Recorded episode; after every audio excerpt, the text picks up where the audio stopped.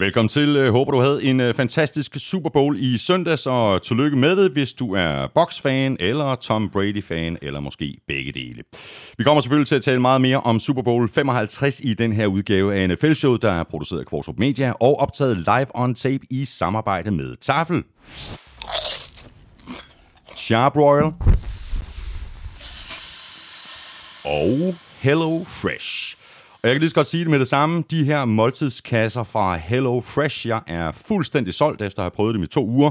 Så gør lige dig selv en tjeneste og gå ind på hellofresh.dk og tjek det ud. Du kan spare helt op til 725 kroner på de første fire måltidskasser, hvis du bruger koden HELLONFL. Altså Hello og NFL i et ord og med store bogstaver.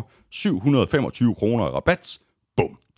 Mere om øh, HelloFresh til sidst i den her udsendelse, hvor du selvfølgelig også øh, kan se frem til en øh, D-quiz fra Søren Armstrong, ugen spiller fra Tafel og Charbroil Quizzen. Du ved, hvor du finder os. Det er alle de sædvanlige steder, og derudover så kan du lytte på Danmarks største og bedste fodboldsite, gulklud.dk, og selvfølgelig på nflshow.dk. Og på uh, nflshow.dk, der har du også muligheden for at støtte os med et valgfrit beløb ved at trykke på linket til tier.dk. Tusind tak til dig, hvis du allerede gør det, og tak også, hvis du har trykket på øh, linket lige ved siden af linket til tier.dk. Det er nemlig øh, linket til vores lille webshop, hvor du også øh, kan støtte os ved at købe lidt af vores øh, merchandise. Adressen til øh, shoppen er nflshow.dk-shop.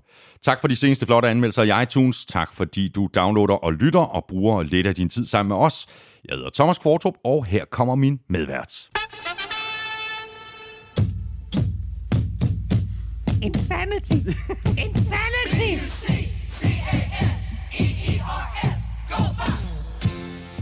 Det var meget godt øh, set af os, øh, Claus Elming, i sidste uge. Vi er begge to Buccaneers i picks. Og derfor spiller vi jo så Buccaneers Fight Song for anden uge i træk.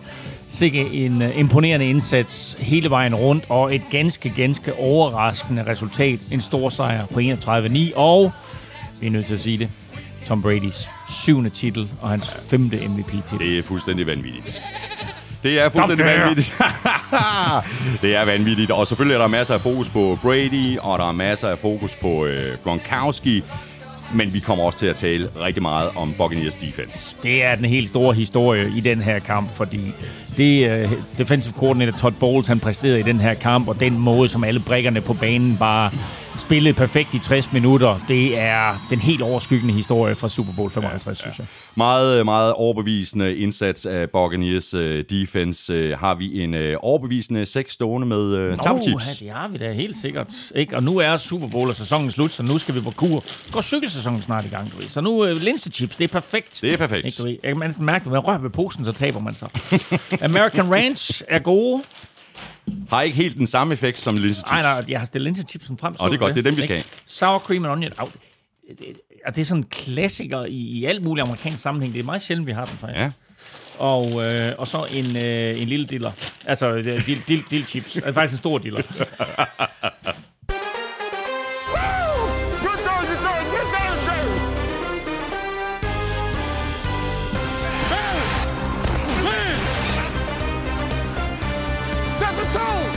Buccaneers vandt Super Bowl 55, og Brady vandt sin syvende Super Bowl og blev kåret til Super Bowl MVP for femte gang. Men var det i virkeligheden Buccaneers defensive coordinator Todd Bowles, der havde fortjent den titel?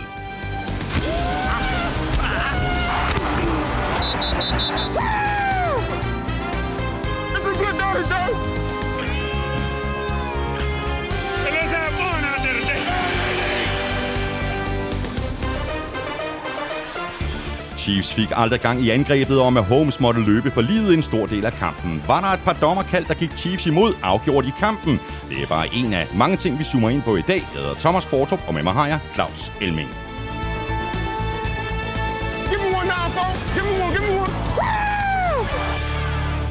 Og Elming, øh, lad os bare øh, komme ud over stepperne og få tændt op for grillen og få sat gang i Charbroil-quizzen. Ja, ikke ligefrem, fordi det er verdens øh, fedeste grillvejr i øjeblikket. Det er godt nok koldt, men hey, dagen bliver længere, og foråret det venter lige rundt om hjørnet, så skal vi grille helt vildt. Jeg kan grilles hele året rundt. Altså, jeg, grill, jeg griller hele året rundt. Jeg griller så sent som i weekenden, så det var, det var perfekt. Sådan der. Jamen, det er godt. Jeg griller også nogle gange i løbet af vinteren, men jeg må godt nok indrømme, at øh, sådan, at kadencen bliver sat alvorligt op, når, øh, når det bliver lidt varmere, og så står jeg ude på, øh, på verandaen øh, nærmest øh, non-stop hele sommeren og griller. Jo, jo, men jeg vil da sige, at til, til mange af de her NFL-søndage, der har vi grillet. Øh, og så hvad enten det var, det var burger eller ribs, eller hvad det nu måtte være. Øh, så grillen, den har været rigtig meget i gang her i, i løbet af NFL-sæsonen, NFL-sæsonen, og også i søndags til Super Bowl. Og nu skal vi så have trukket lod om en øh, super fed grill fra Charbroil. Øh, det er den, der hedder Charbroil Grill to Go, og med i en øh, samlet pakke til en værdi af 1.700 kroner. Der får du ud over selve grillen også en taske, så du kan tage grillen med dig, og en øh, grilltang. Sidste uges ledetråd lød sådan her. Han spillede linebacker for The Steel Curtain, og hans efternavn går godt sammen med ost i en sandwich. Og det øh, rigtige navn, det var og er Jack Ham. Og hvis du har skrevet øh, Jack Ham i øh, emnefeltet og sendt dit bud ind til mailsnablag.nfl.dk med dit navn, adresse og mobilnummer i selve mailen, jamen så har du altså chancen for at vinde den her Charbroil Grill to Go lige nu, hvor Elming sidder klar med alle de korrekte svar. Og Der, der er mange, der glæder sig til grillsæsonen, kan jeg mærke, Okay. Også i den grad. og gerne vil have en ny grill. Og vinderen af en Charbroil Grill her er fra Bogø. Sådan. Og så sidder der en derude og tænker, jeg er den eneste NFL-fan på Bogø, og det kan godt være, du er det, Jeppe. Du er også den nye ejer af en Charbroil Grill. Stort tillykke til dig, Jeppe Højlyng. Øh, Jeg sender dit øh, navn og adresse videre til Charbroil lidt senere i dag, og så kan du godt begynde at glæde dig til at få din øh, gevinst med posten inden alt for længe. Og nu er det faktisk øh, sidste chance i den her omgang i hvert fald. Øh, Der er kun én ledetråd tilbage, og dermed altså også kun én chance for at vinde den her super lækre øh, grill fra Charbroil. Ledetråden den kommer her. Han er safety i NFL. Hans fornavn er guddommeligt, og laver du burgerboller på en Charbroil grill, så lever du op til hans efternavn. Så det er faktisk hele to ledetråde på det her navn. Åh, oh, kom lige igen. Han er safety i NFL. Hans fornavn er guddommeligt. Og laver du burgerboller på en Charbroil grill, så lever du op til hans efternavn. Ah, okay, ja. Ja. Det var øh, ugens ledetråde, og hvis du øh, svarer rigtigt, så har du altså chancen for at vinde sådan en øh, Charbroil Grill to Go, plus en taske og en grilltang til en samlet værdi af 1700 kroner. Du giver dig selv chancen, hvis du sender dit svar ind til mailsnablag.nfl.dk. Du skriver hashtag charbroil og dit svar i emnefeltet, og i selve mailen, der skriver du dit øh, navn, adresse og mobilnummer, og vi øh, trækker den heldige vinder i øh, næste uge. Og Elming, så er der øh, et par historier, som vi lige skal hive fat i, når vi har talt øh, om øh, Super Bowl. Dels er der rygter om, at øh, Carson Wentz måske er på vej væk fra Eagles, og så er der også øh, flere hold, der har vist interesse i øh, Sam Darnold, men det folder vi ud, når vi har talt øh, Super Bowl. I forhold til øh, Buccaneers, så ser det ud til, at øh, både Brady og Gronkowski tager en sæson mere. Vi øh, spekulerede jo ellers i, øh, at Brady måske kunne overveje at sige stop, hvis nu Bucks vandt øh, Super Bowl, fordi så havde han ligesom øh, bevist sig selv, men øh, han vil mere. Og han lagde ikke skjul på det i ugens løb. Der var jo øh, ja, der var 14 dage mellem AFC-finalen og NFC-finalen og så Super Bowl. Og, øh, og, og i den periode, der bliver der jo stillet alt, hvad der overhovedet kan stilles af spørgsmål til de her øh, atleter, især dem, der ligesom er, er topnavnene. Og et af de spørgsmål, som Brady han fik stillet rigtig ofte, det var, øh, hvad sker der til næste år? Øh, trækker du tilbage? Bliver du? Og der meldte han sådan rimelig hurtigt ud, også bare for at slukke det bål, at øh, han regnede med at komme tilbage, eller ikke bare regnede med at komme tilbage, han kom tilbage, og han gentog det, da han stod på podiet øh, efter Super Bowl. Gronkowski sagde efterfølgende i sit Super Bowl-interview, at øh, ja, han kunne ikke se nogen grund til, at han ikke skulle komme tilbage. Nu vil han lige tage en to-tre ugers pause og se, hvordan han havde det, men ellers så regnede han med, at han komme tilbage. Ja. Det øh, er de nok øh, rigtig glade for øh, i, i Tampa Bay, at øh, de to herrer, de, øh, de napper en øh, sæson mere, øh, efter al sandsynlighed i hvert fald. Øh, Super Bowlen, øh, fed flyover, vi talte jo om det i, øh, i, mm. i sidste uge, og du, øh, du fortalte faktisk mig en lille, en lille sjov ting, øh, lige inden vi satte os til at, til at optage. Og Ja, det er med de her tre fly, ikke? Vi, vi vidste, at der ville komme en, en stealth bomber, men vi, vi var ikke klar over den kombination, der kom af fly. Og der kom jo altså tre forskellige fly øh, henover. Og den var også, det var også meget symbolsk i henhold med, med henblik på det her med, med Brady mod Mahomes, den gamle mod den nye. For det var en elgammel B-52, og så var det nogle af de her lidt, lidt nyere fly, en B-1'er og en B-2'er. Øh, og der har NFL været, været meget opmærksom på lige at gå ud og fortælle, at det ikke var tilfældigt, at det var en B1 og en B2 og en B52, fordi 1 plus 2 plus 52 giver 55, ligesom i Super Bowl Det er stærkt, 55. og du er the human calculator, og det går lynende hurtigt. Ja, jeg er dobbelttjekket. Og så, jeg ved ikke om ham der streakeren, øh, om han havde dobbelttjekket noget, før han løb ind på banen. Det tror jeg faktisk, han har gjort. Jamen det havde han, fordi øh, det er en super sjov historie med ham, streakeren, ikke? Altså, Mahomes står der, og så lige pludselig, så, så, så peger han, og man tænker, hvad sker der? Og streaker når lige nøjagtigt at komme i kameraet, ikke? Inden amerikanerne selvfølgelig klipper væk til reklamepause, fordi det må jo ikke ske. Men øh, jeg så, øh, fik faktisk et rigtig sjovt tweet tilsendt, øh, omkring streakeren, som øh, havde spillet på sig, eller ikke havde spillet på sig selv, men havde spillet på, at der kom en streaker, havde smidt, jeg tror, 5.000 dollars til odds 75. Så har han købt en billet til Super Bowl, og så øh, blev han arresteret, og det kostede ham 1.000 dollars i kaution og komme ud af fængslet. Alt i alt et overskud på 324.000 dollars. Det er vanvittigt. Som der var en, der skrev, det her, det her, det er the real goat. tosset, mand? Men jeg kan huske, øh, øh, dengang, hvor, hvor, hvor du var over at kommentere, jeg kan ikke huske, hvad det var for en øh, Super Bowl. Super men- Bowl 38. Ja, med den streaker der, mm. og hvor de amerikanske tv-selskaber jo også altså, er klippet væk. Men ja, Ja, vi havde et kamera oppe i boksen, Ja. og jeg bare huske det der, det der billede af Teddy Bruschi, der bare stod og stenede ja. fuldstændig, mens ja. den der men det streaker var, men det var rundt, ikke? amerikanernes. Det var amerikanernes signal, okay. til Bruce var amerikanernes, fordi amerikanernes signal viste jo ikke streakeren, men vi havde jo uh, The Energizer Bunny, kameramand Claus Frederiksen med, og han hoppede op og filmede den her streaker. Og, øh, og, og, og det faktum, at vi gjorde det, og filmede ham ud af egen boks, det har jo faktisk gjort, og undskyld til alle tv-selskaber over hele verden, men det betyder faktisk, at de internationale tv-selskaber nu ikke længere må have en, et kamera i egen boks, der kan filme banen. Claus Frederiksen. Ja. Vi skal have quizzen! Åh. Det er tid til quiz, quiz, quiz, quiz, quiz.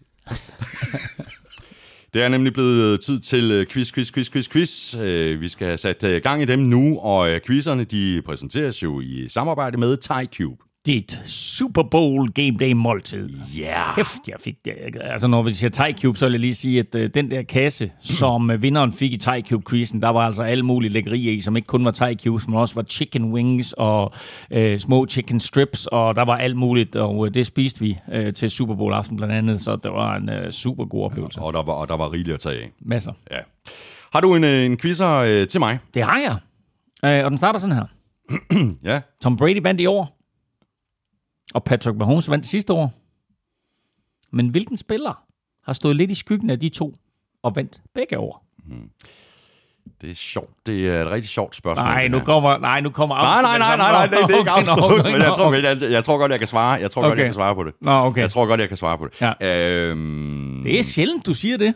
Ja, men okay, så skider jeg med det. Can't do it. Okay, du får Armstrongs det quiz, mm. den kommer her.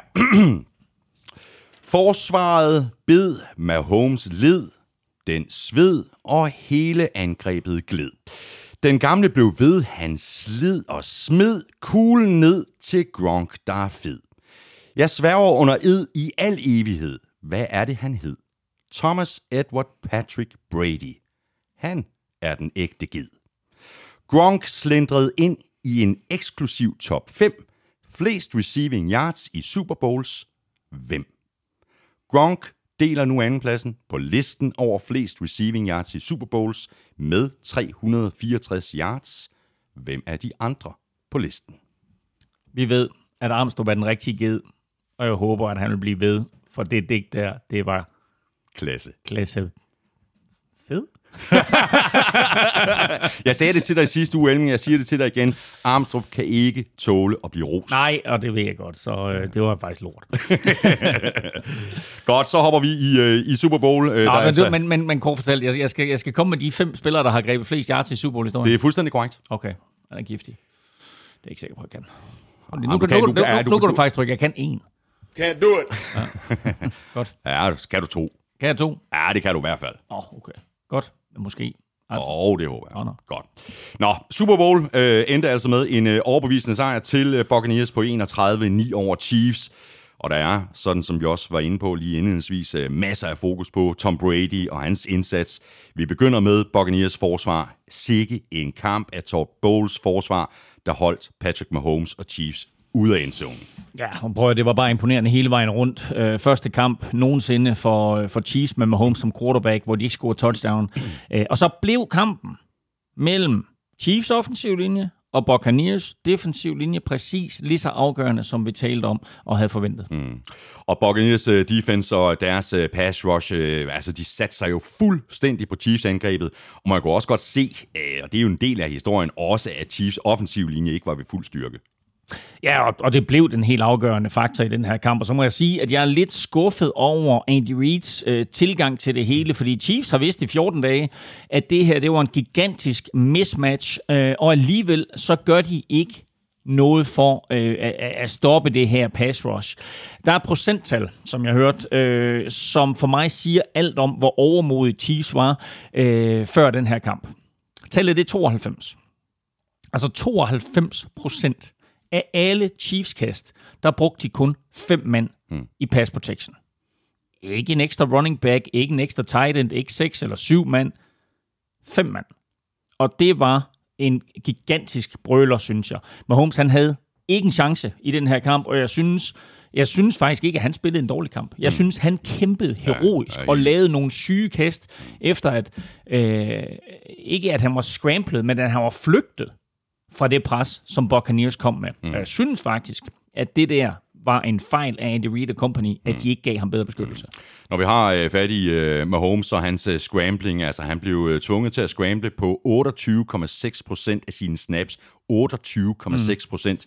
Mm. Øh, næsten hver tredje snap. Øh, øh, så du den her grafik i går, der kom, over hvor meget Mahomes han løb med bolden i hænderne? Næsten 500 yards. Jamen, jeg så det ikke. Men, øh, men, øh, 400, 497 øh, yards, helt præcis. Og, og der var en sammenligning mellem Mahomes ja. og så Brady. Og ja. Brady, det var bare sådan en lille... Øh, han havde nærmest ikke rørt sig ud af stedet. Ja. Mens øh, Mahomes mm. øh, bare piskede over hele banen. Ja, helt sindssygt. Det, ja. det minder mig om kamp, hvor jeg var quarterback for Aarhus Tigers mod Colling Chiefs. Jeg havde 204 yards rushing, de seks af dem var fremadrettet.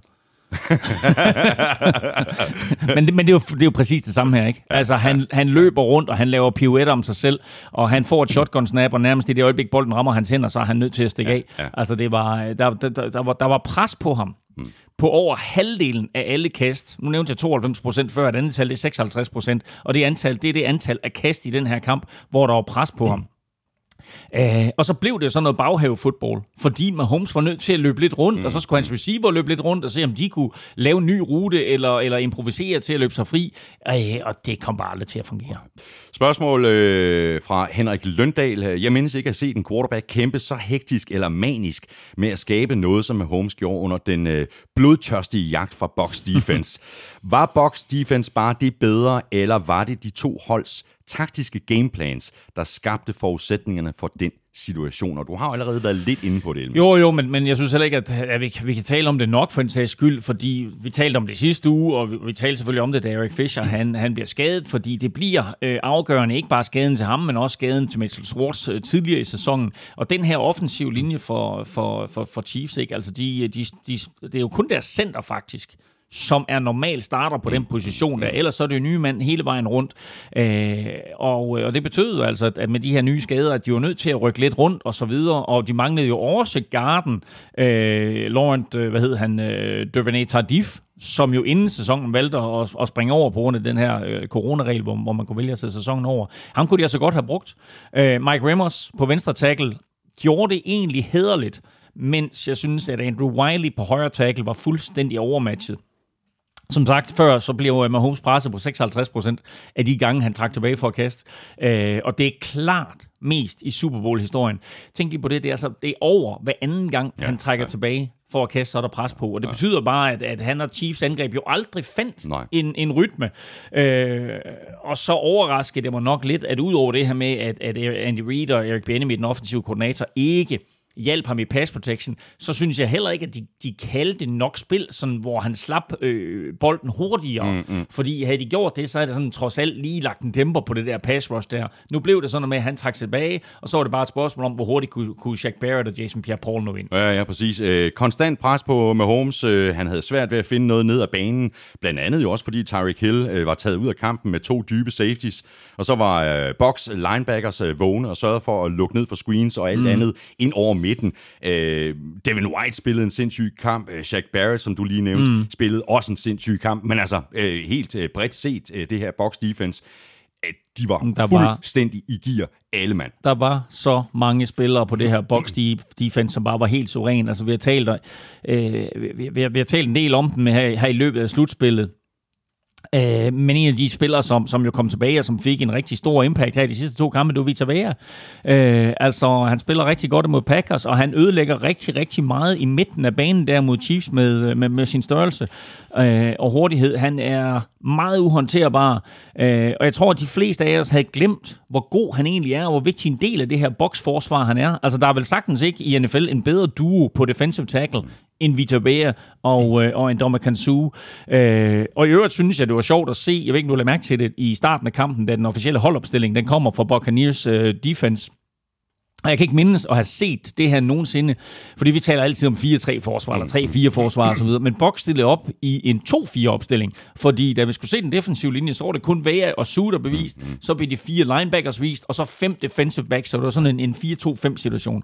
Øh, retfærdigt havde nok kunne hvis de havde stillet op i en 4-2-4, fordi øh, det, det, det var ligesom om der var en ekstra ja, Buccaneers forsvar hele kampen igennem.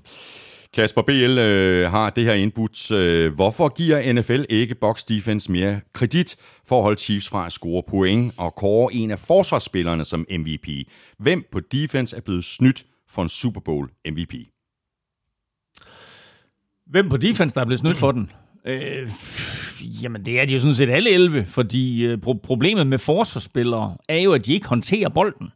Og derfor så skal der noget helt exceptionelt til, for at det bliver en forsvarsspiller, der, der vinder MVP. Altså, der skal 2-3 sacks til, og gerne et, et, et touchdown oveni, altså for at du ligesom markerer dig, så der skal noget, noget helt exceptionelt til. Og det er jo på en eller anden måde mega uretfærdigt, fordi selvfølgelig er det nemmere at kigge på en quarterback, når han har spillet så og så godt, og der er nogle helt klare stats på ham. Det figurerer jo ikke nogen steder, hvor god Lavonte David var imod, im- imod opdækningen, eller, eller Devin White, eller han tror, Winfield Jr., eller, eller hvem det nu var. Så jeg synes jo egentlig, at alle 11, eller øh, 15, 16, 17, øh, hvor mange de nu øh, havde inde på banen i løbet af den her kamp, at de egentlig var berettiget til en MVP. Øh, nu fremhæver jeg lige et par spillere her, ikke? Altså, øh, som Lavonte David, som Devin White, som Antoine Winfield Jr., en der Kansu var god. Øh, altså, der var så mange spillere, som jeg, ikke engang, jeg vil ikke engang sige, at de spillede deres livskamp. De fungerede bare som en virkelig, virkelig veltimet og effektiv enhed. Og nu nævner du lige præcis øh, Lavonte David. Øh, Det gør øh, Christian Norbæk også i et spørgsmål. Han spørger, var Lavonte David ikke den lidt usynlige held for Buccaneers? Fremragende opdækning af Kelsey var en stor nøgle til sejren. Jamen, jeg er fuldstændig enig. Altså, Lavonte David øh, var forrygende og har jo i al sin tid i, i NFL øh, været en taklemaskine. Øh, og når du er en taklemaskine, så skal du både være dygtig til at takle, men du skal også have hurtigheden til at være der, hvor bolden er. Og det var han jo også i den her kamp, også imod kastangrebet, fordi han var rigtig, rigtig god i mand-til-mand situationer med Kelsey, når, når, øh, når de situationer opstod. Og enten så slog han bolden ned, eller også så taklede han Kelsey, øh, så snart Kelsey han havde rørt bolden. Øh, han spiller en forrygende kamp, øh, Lavonte David, og jeg synes, at han er limen på det her forsvar. Der er rigtig, rigtig mange gode spillere. Der er også rigtig mange gode spillere, som måske lyser mere op, når man ser sådan en statistik fra en kamp. Men limen, manden i midten der, Lavonte David. Nu blev det så uh, Tom Brady, der løb afsted med uh, Super Bowl MVP-titlen. Øh, der er mange, også mange af vores lyttere, der peger på, at Todd Bowles, altså Box uh, defensiv koordinator, er den egentlige Super Bowl MVP. Der er også mange, der har stemt på ham i, uh, i ugens spiller, selvom han ikke var uh, nomineret. Nikolas Lisevski skriver, hvordan kan en mand som Todd Bowles ikke have fået et head coach job. Det virker som om, at dem, der henter den mand, gør et kæmpe scoop, fantastisk præstation. Og det må vi vel give Nikolas ret i. Sagen er jo bare, at øh, Todd Bowles allerede har haft chancen som, som head coach, og det talte vi også om i sidste uge. Elming. Ja, ja, nu, nu hedder prisen jo MVP, altså Most Valuable Player, den hedder ikke MVC, men altså, der er der ikke nogen tvivl om, at, at, at den her coaching-indsats var, øh, var, var, var helt igennem forrygende. Øhm, og der er bare nogle trænere, som fungerer bedre i en assisterende rolle frem for en head coach rolle. Men Bowles er et stort navn, og han har gjort det godt i de øh, 20 år, øh, han har været i NFL, øh, både som assisterende træner og som head coach, og han er jo stadigvæk super aktuel, når samtalen den falder på, hvem er øh, den bedste defensive coordinator i ligaen, og det er et stykke arbejde, han har gjort her med Buccaneers, er også helt unikt øh, gennem de sidste to sæsoner. Øh, og man kan vel sige det på den måde, at Bruce Arians er head coach for Buccaneers hold, men Todd Bowles er head coach for deres defense. Mm. Simon Påske Urup skriver, jeg må sige, at jeg var meget overrasket over kampens forløb. Ikke fordi Box vandt, men fordi Andy Reid ikke formåede at ændre gameplanen, så de offensivt kunne komme i gang. Hvad skete der? Hvordan blev en mand som Reid outplayed og outcoached? Ja, altså jeg ved ikke, øh, hvordan, øh, hvordan han bliver outplayed og outcoached, men, men, men det gjorde han, og jeg synes måske, at, at Chiefs i det hele taget var lidt for nonchalant og lidt for overmodig, og især hele det her, den her tilgang, de havde til det på angrebet, øh, synes jeg, at de bare sådan på en eller anden måde sendte den der følelse af sted med, at hey, vi har med Holmes, det skal nok gå. Mm. Men det gjorde det ikke, fordi han ikke havde tid til øh, at, at, at lave sin magi. Øh, Eric Bieniemy, den offensive koordinator, havde ikke sin bedste kamp. Nu talte vi om Todd Bowles, der har været defensive coordinator og også tidligere head coach. Eric Bieniemy har jo været på tale til, at han skulle være head coach, og der er mange, der synes, at han er blevet forbigået her igennem de sidste to år. Men øh, den her kamp var ikke hans bedste, og han havde en tødt svar på, Øh, det er Buccaneers forsvar, øh, og, øh, og, og det som Todd, Todd Bowles han kom med. Øh, og de justeringer, som Buccaneers og Todd Bowles havde lavet i forhold til den første kamp, hvor de mødtes der i, i øh, spil U12. Den offensive linje, nu har vi talt om nogle gange, men det var jo selvfølgelig en katastrofe for dem, at den var så skadet, fordi Todd Bowles og Buccaneers kunne nøjes med at rushe Altså lægge pres på, på, på øh, med Holmes med fire mand, og så trække syv mand tilbage i opdækning med, med, med dobbelt på Tyreek Hill, og så en, øh, en fokus på ikke at lade sig forvirre af alt det, som Chiefs de gør inden snappet. Alt det her hokus pokus med, med motions og shifts og alt muligt, det lå de ikke... Øh, øh, jeg synes, det var, der var et par, par, par situationer undervejs i kampen, og jeg lagde mærke til det, hvor de sådan helt roligt, Buccaneers, bare lige justeret, og måske igen var det lige Levante David, der lige pegede ud, dejlige derovre, dejlige derovre.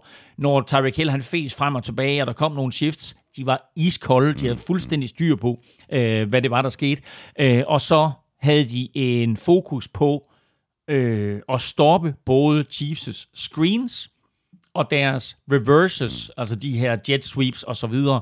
Så det var jo et aspekt, der lynhurtigt blev taget ud af Chiefs spil, fordi når de prøvede på at kaste screens, der var intet at komme efter. Vi så, at Mahomes var nødt til at kaste bolden i jorden flere gange.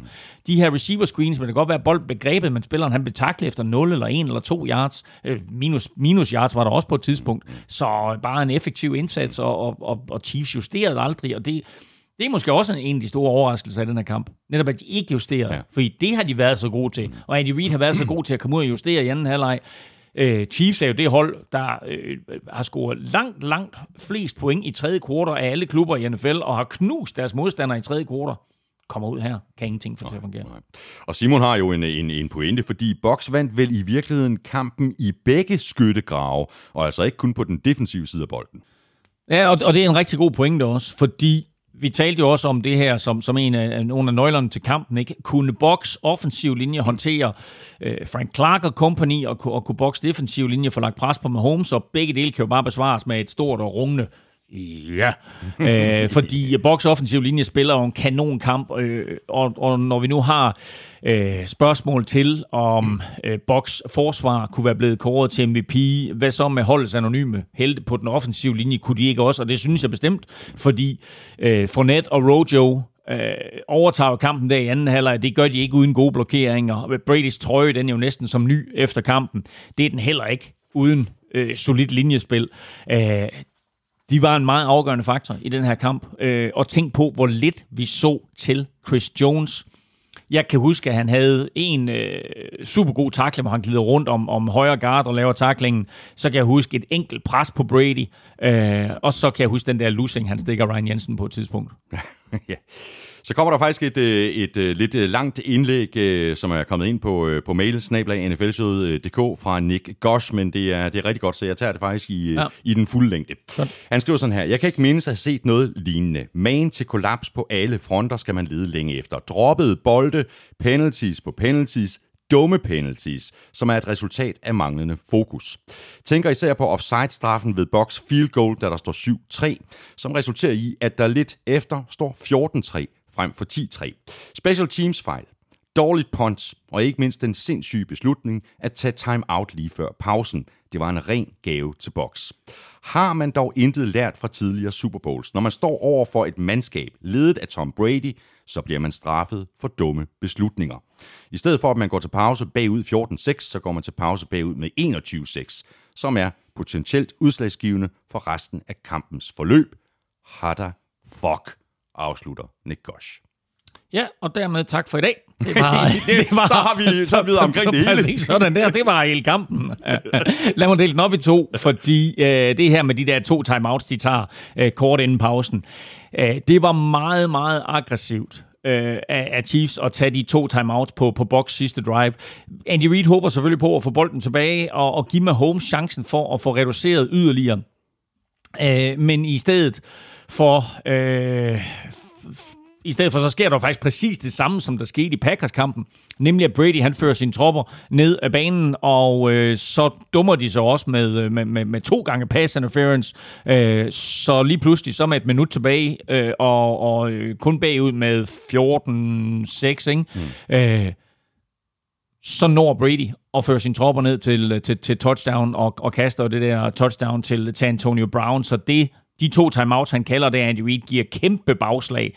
Selvfølgelig hjulpet de her pass interference kald, om de så var retfærdige eller ej, det kan vi vende tilbage til senere.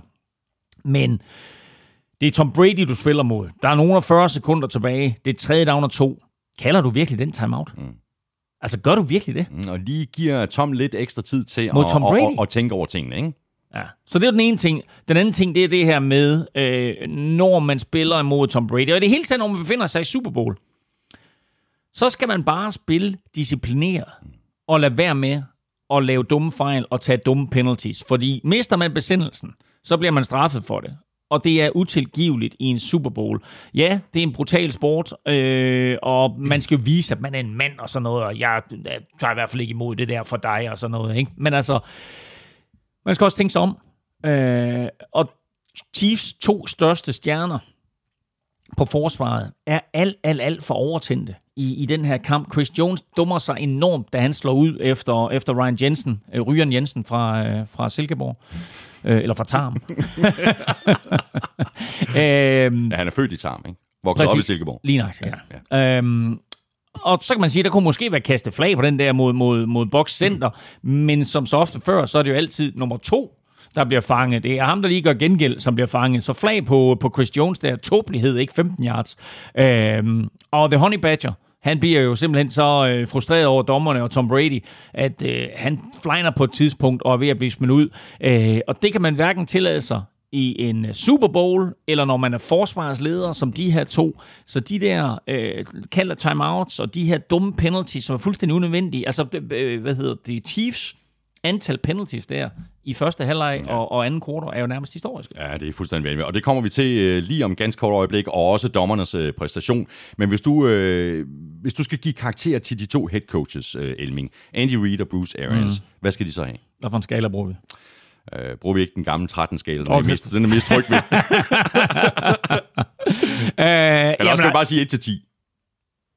Nå, ja, så slår vi alle fluer med spæk. Jamen, altså, hvis det er en 1-10, så... Øh, Altså, så er det klart en 10'er til Bruce Arians selvfølgelig. Øhm, de fejl, som Buccaneers begår i den her kamp, det kan jo ikke lastes for, at, at øh, selv samme Ryan Jensen, øh, født i Tarm og vokset Silkeborg, øh, smider bolden hen over Tom Brady på et snap, øh, er jo mere eller mindre den eneste fejl, de begår i den her kamp. Der er nogle andre små ting og sådan noget, men kæft, hvor spiller de solidt hele vejen igennem. Så en 10'er til, til Bruce Arians. Og Andy Reid, ej, den er svær, ikke? Altså, jeg, jeg vil ikke give ham et, øh, men altså, vi er dernede omkring, ikke? Altså, mm. en 3-4 stykker-agtigt. Ja.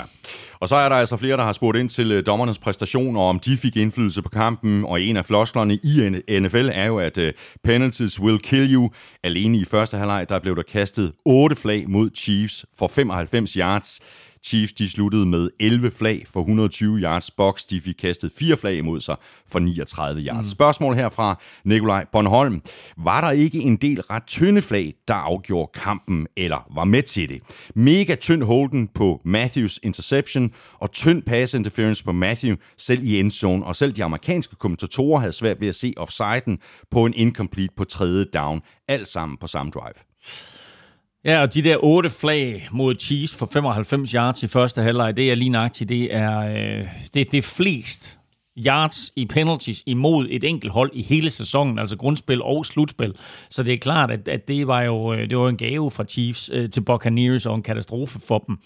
Øhm, men det virker lidt mærkeligt, at i et slutspil, hvor vi har set dommerne være mere indstillet på at lade spillerne afgøre det, så bliver de pludselig sådan lidt trigger-happy med deres flag øh, i, i den her kamp. Øh, og så synes jeg også, at der var et par meget, meget tvivlsomme kald imellem. Lad det være sagt med det samme. Der kunne have været endnu flere flag. Der kunne også være færre. Det er fuldstændig lige meget. Det var ikke dommeren, der afgjorde den her kamp. Mm. Det var Buccaneers, der afgjorde den her kamp selv. Det var Buccaneers forsvar, der afgjorde den her kamp. Der var to pass interference kald på det drive, vi lige talte om sidst der, øh, hvor bolden, synes jeg, i begge tilfælde er kastet for langt. Og der er reglen jo altså, hvis bolden er det, man kalder uncatchable, så kan der ikke dømmes pass interference. Alligevel så flyver flaget op af lommen på dommeren.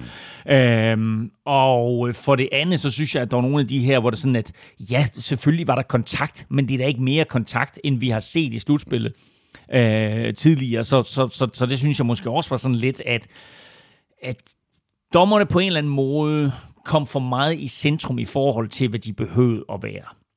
Den, jeg har det største problem med, det er Tyron Matthews interception, som der også blev nævnt i spørgsmålet her. Det står 7-3 til Buccaneers i anden halvleg, eller anden kvart, undskyld. Øh, Brady kaster lidt upræcist til Fournette. Bolden bliver ramt, og den bliver interceptet. Kæmpe spil på det her tidspunkt, men Chavarius Ward bliver dømt for en holding imod Mike Evans, og den var der simpelthen ikke. Altså, den var der simpelthen ikke. Kæmpe brøler af dommerne, kampafgørende. Måske ikke i det store billede, men bare lige her, hvor der står 7-3 på det her tidspunkt af kampen, der er det bare en stor straf, ja. og det er bare en fejl. Det er et ekstremt vigtigt ja, tidspunkt Det er et ekstremt vigtigt ja. tidspunkt i kampen. Så det her, det var et katastrofekald. Kampen udvikler sig på en måde, hvor det så man siger, nej, betød det noget i det store billede? Nej, altså når du ser på alle 60 minutter, så nej, men altså her, det står 7-3, og han kaster en interception, Brady. Prøv at tænke på, hvad det betyder for momentum og field possession og det hele.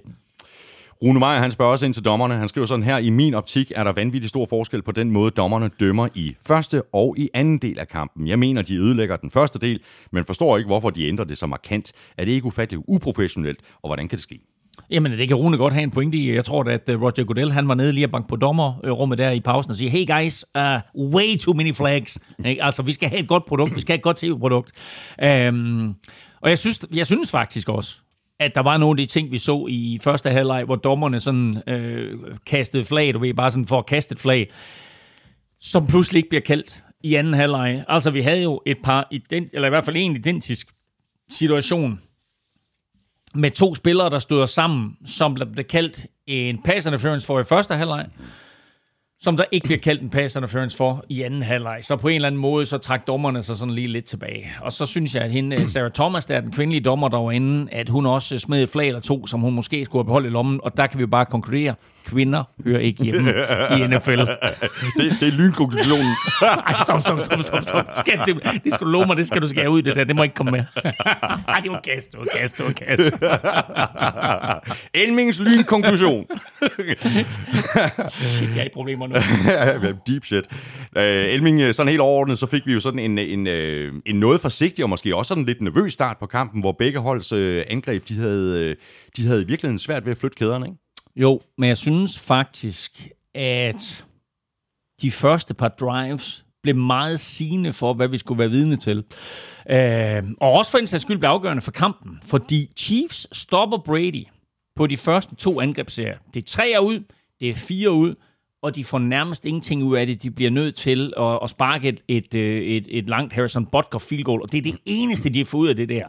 Da de stopper dem på tre ud og fire ud, så tænker jeg, nå, så har, der har vi, du ved, altså, Box kan ikke rigtig flytte bolden, Brady har det ikke. det bliver, det bliver med home show, det bliver blowout, og så gik det lige nøjagtigt den anden vej rundt. Men, men tænk på ikke, Chiefs var foran 3-0. Ja, ja, præcis.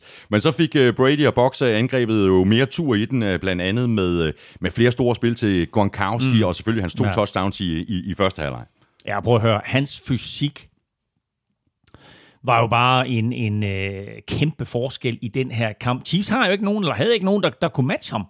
Øh, og det udnyttede Brady øh, og Gronkowski selvfølgelig stenhårdt, øh, som de vel sagtens har gjort i, i, i snart 10 år sammen. og øh, lidt ligesom Brady i den her sæson, så skulle Gronk lige banke lidt rust af. Øh, han lignede ikke en NFL-spiller i starten af sæsonen, nej, nej. og øh, selvom det stadig ser sådan lidt langsomt ud, noget af det, han foretager sig, og når han løber osv., så, så er han jo en langt bedre spiller nu, og, og langt ja. tættere ja. på den gamle Gronk, ja, øh, end, end han var i både september, september oktober og november. Mm, ja, han sluttede med øh, seks grebne bolde for 67 yards, og, og de mm. her to uh, touchdowns, han scorede i, i første halvleg, og som du også lige uh, siger, Elming, det er meget god timing af mm. Gronkowski, mm. altså vel klart hans bedste kamp hele sæsonen. Jamen faktisk har hans to bedste kampe i sæsonen været mod Chiefs, øh, og, øh, og det var måske også noget af det, som Box de tog med sig fra det første opgør. Det var, at Chiefs havde meget vanskeligt ved at håndtere en, en type som ham. Øh, det har de fleste mandskaber, men måske især Chiefs, fordi deres øh, linebackers ikke er atletiske nok, og deres øh, safety jo sådan nogle små spirvipper. Mm. Så øh, Gronk han havde en øh, field day derude. Ja. Esben Hansen skriver, Gronkowski skal bruge rollator, men er alligevel den sande Super Bowl MVP. Det er da meget godt. God. Ja, jeg prøver at høre, og jo, jo præcis min pointe. Og der var jo faktisk også, jeg ved ikke, nu så den, der var sådan en super sjov reklame med, med Brady og Gronk, som mm, ikke blev vist i løbet af Super Bowl, øh, hvor de taler om at, at spille en, øh, en sæson mere. Øh, vi har lagt den op på, på gul klud, mm. øh, og, øh, og den var i øvrigt gårdsdagens mest læste artikler, mest sete video.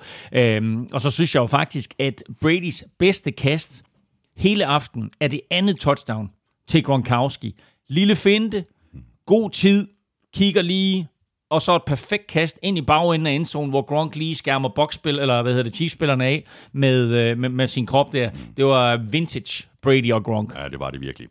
Og så var der jo en, øh, en nøglesituation, der så endte med ikke at få indflydelse på kampens resultat. Øh, Box gik jo på den på fjerde down på et yard linjen i andet kvartal.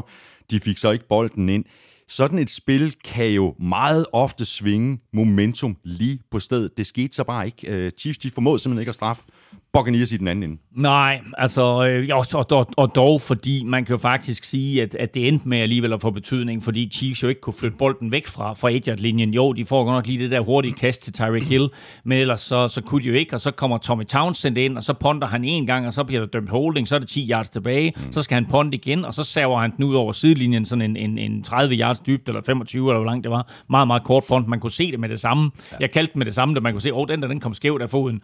Ja. Uh, og så fik uh, Brady jo en, en, en kort, kort bane at arbejde med, og det førte jo omgående til, til Buccaneers andet touchdown. Så godt nok, så får de ikke hamret den ind der på etteren, men det fører til touchdown umiddelbart ja. efter.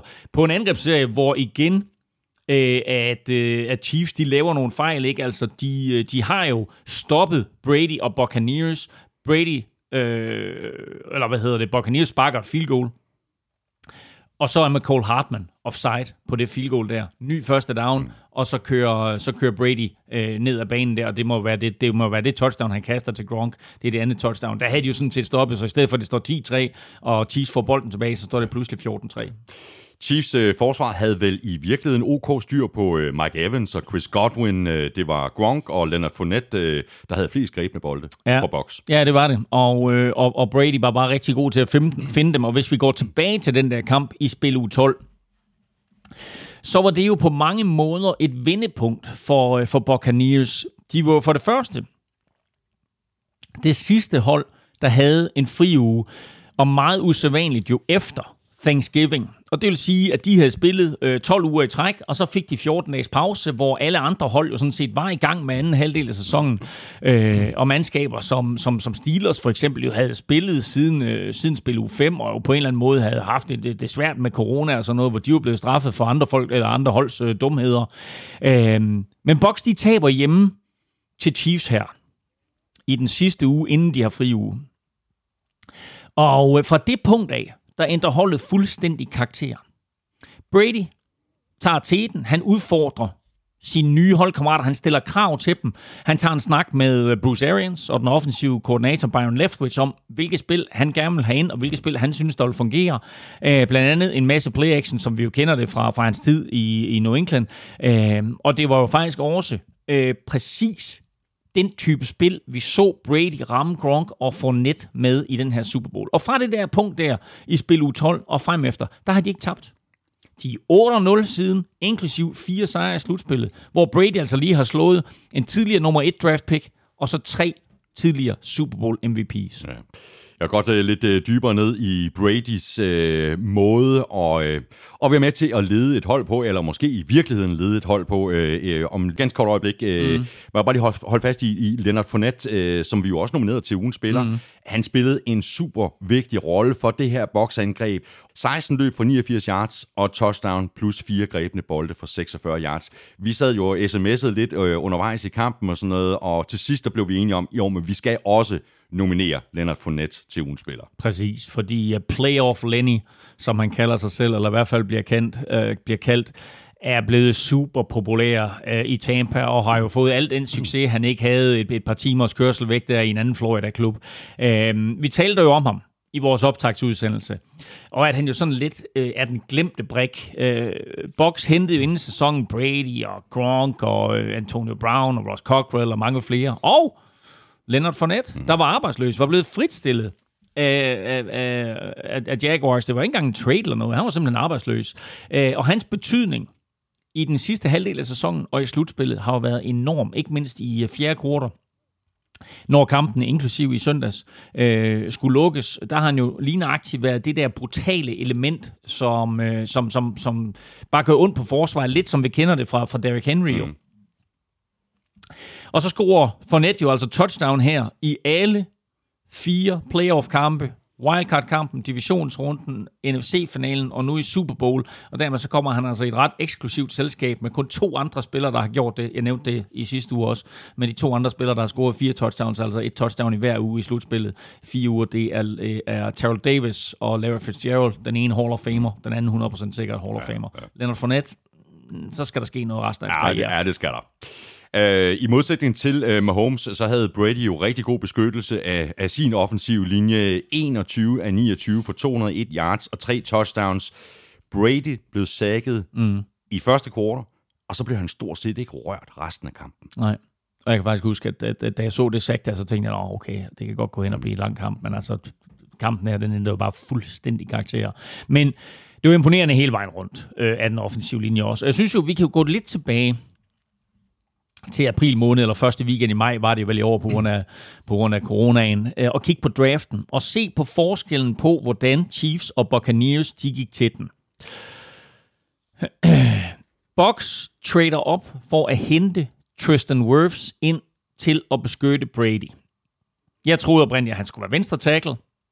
Donovan Smith gør det super fint, så han bliver på venstre tackle. Tristan Wirfs kommer ind på højre tackle, og han har været suveræn. Mm. Havde det ikke været for en quarterback, som kaster bolden meget i Justin Herbert, og en receiver, som øh, har grebet et hav af bolde for en frygtelig masse yards i Justin Jefferson, så var Tristan Wirfs blevet Offensive Rookie of the Year, og han var suveræn i den her kamp også.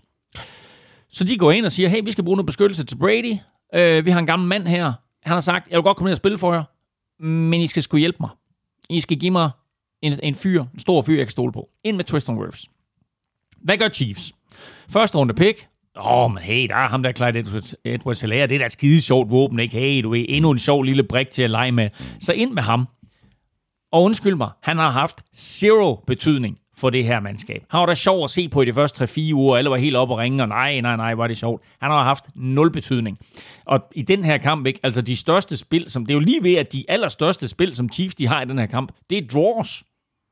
Altså, hvor de finder kaster, så giver den til, til Clyde Edwards hvor han så løber bolden. Og vi kan jo bare igen tage hele det her draft-fænomen videre, eller den måde at kigge på draften på, og så sige, hvad med Packers? Hvis nu Packers i stedet for at have draftet fremtid. Kan du huske, for, for 14 dage siden, tre uger, der havde vi et, et spørgsmål omkring, øh, er det ikke meget kortsigtet at hive Brady ind? Hmm. Jeg kunne fandme, at det er kortsigtet. Det er da fuldstændig lige meget, når du står og Super Bowl-mestre. Og de var jo så kortsigtet, så de hiver Brady ind, de hiver Gronk ind, de hiver Fournette ind, de hiver AB ind, de hiver et par stykker ind til forsvaret, og de drafter til den offensive linje og siger, vi gør alt for at vinde nu. Og de vinder. Hvis, hvis Packers havde draftet en receiver og en corner, og måske en linebacker, så kunne det her have set helt... Så er det ikke engang sikkert, at Bucks havde været i finalen. Det er Så rigtigt. kortsigtet fungerer i NFL lige nu. Spørgsmålet er fra Claus Christensen. Øh, Kunne enhver NFL-quarterback have vundet den kamp med det her hold? Der var ikke meget ekstraordinært spil over Tom Brady, men er der andre steder, at Bradys erfaring har spillet ind? Spilkald, taktik osv. Du har allerede været en lille smule ind på det, Elving. Jamen, og det, det, det kunne enhver quarterback ikke have gjort. Altså, der er selvfølgelig nogen, der kunne, men altså Exhibit A, det er jo James Winston, fordi øh, nok øh, er der kommet nye brækker ind, men det her mandskab, det var altså blandt NFL's bedste sidste år også, men, øh, men Famous James og hans øh, 30 interceptions, de gjorde det nærmest umuligt øh, at vinde. Så øh, som der også bliver pointeret her, Brady har haft sin udfald, men øh, ikke nok til, at forsvaret ikke kunne redde ham. Øh, og i Super Bowl var han jo suveræn i første halvleg, mm. og det var nok til at vinde den her kamp. I anden halvleg, der bliver han jo bare spilstyre. Ikke? Altså, ja. der, der kalder Bruce Arians og Eric Bieniemy, eller ikke, hvad hedder han, Byron Leftwich, der kalder de jo bare en fed kamp og siger bare, om du ved, nu løber bolden lidt tungt, og nu, løber, nu kører vi de her små play actions videre. Hele tiden bare ja. metodisk flytter vi bolden. Øh, og øh, og det, det, det er bare der, hvor, hvor, hvor Brady spilmæssigt i den her Super Bowl kører den her stille og roligt hjem. Og Brady gjorde det jo øh, gang på gang i, i New England, øh, brugte den første del af sæsonen på sådan at finde ud af, hvad er holdets styrker og svagheder egentlig. Og når det så blev december og januar, så var det hele blevet, blevet mm. fint-tunet, og det er jo nøjagtigt det samme, han har gjort her i, i Tampa Bay. Men Bruce Arians skal vel så også have ros for at have samlet et hold af coaches, ikke mindst Todd Bowles og Byron Leftwich, der har formået at justere i løbet af sæsonen i forhold til holdets styrker og svagheder. Ja, men med hensyn til, til, Brady og, og den måde, vi så ham på i New England, og så den måde, vi ser ham på nu, så har jeg jo selv, og jeg håber også, at, at, øh, at, at, at du måske også får være med til det her, men altså, jeg har jo før hoppet på den der vogn der, med at, at, at dømme ham færdig, mm. ligesom så mange andre. Jeg er jo vildt imponeret over, hvordan han har spillet i den her sæson. En lang, udmavende sæson, der har budt på udfordringer af en karakter, vi, jo- vi jo aldrig øh, har oplevet før. Der var ingen minicamps, der var ingen øh, training camp, øh, eller jo, det var der, men den var amputeret. Øh, så det holdet de endelig øh, sådan fandt hinanden, så faldt det hele bare i hak. Og du kan også mærke, hvordan alle de unge spillere efter Super Bowl bare roser Brady øh, og fortæller, hvordan han løftede hele holdet. Mike Evans, greb, han griber en bold i den her kamp, ikke? Og alligevel er han jublende lykkelig. Ikke? Altså, det er sådan en, en diva, som før i tiden ville være rasende, hvis han ikke greb et touchdown i en Super Bowl og en 6-7 bold. Han griber en bold, han sidder med et kæmpe smil på, og så siger han i sit interview der efter kampen, at Brady har lært ham alt fra at spise bedre, til at træne bedre, og faktisk også, at, at, at han er blevet et bedre menneske, de samtaler, han har haft med Brady. Så på den måde, der har, der har Bradys erfaring, og hele det faktum, at han jo i modsætning til mange af de andre her, bare er en mand med en familie og sådan noget, ikke? og alt det der, ikke? det har bare haft enormt stor betydning for hele holdet. Ja, præcis. Hele hans vindermentalitet. Alt det, det der. og det tror da fan, at Mike Evans øh, sidder med et stort bredt smil, fordi han har også en stor fed ja, ring. Han har en stor fed ring. Ja. Ikke? Altså, selvom, selvom han ikke havde den indflydelse på sådan en Super Bowl, som man ville have forventet, når man har set øh, Mike Evans og, og den betydning, han har haft for boxe igennem alle årene, han har været der. Nu er det bare et andet mandskab. Og så lige hold, hive fast i det der, du sagde med, med, med Bruce Arians. Hvad var det, du sagde? Du sagde, at han... Altså med, Han- med, han have, have ros øh, Bruce Ja, ja. Arians, altså simpelthen for at have samlet et, et, et, et rigtigt hold af coaches, som har kunne justere ja. i løbet af, af, af sæsonen. Ikke? Ja, fordi Bruce Arians bliver jo kaldt the Quarterback. quarterback whisperer. Uh, men han er også forgangsmand, når det kommer til at give blandt andet minoriteter øh, og, og kvinders chancen. Al- Altså alle hans tre koordinatorer er sorte, øh, og så har han jo to kvinder på staben, blandt andet jo øh, en, en defensive line træner, altså assisterende defensive line træner, hvilket er helt vildt.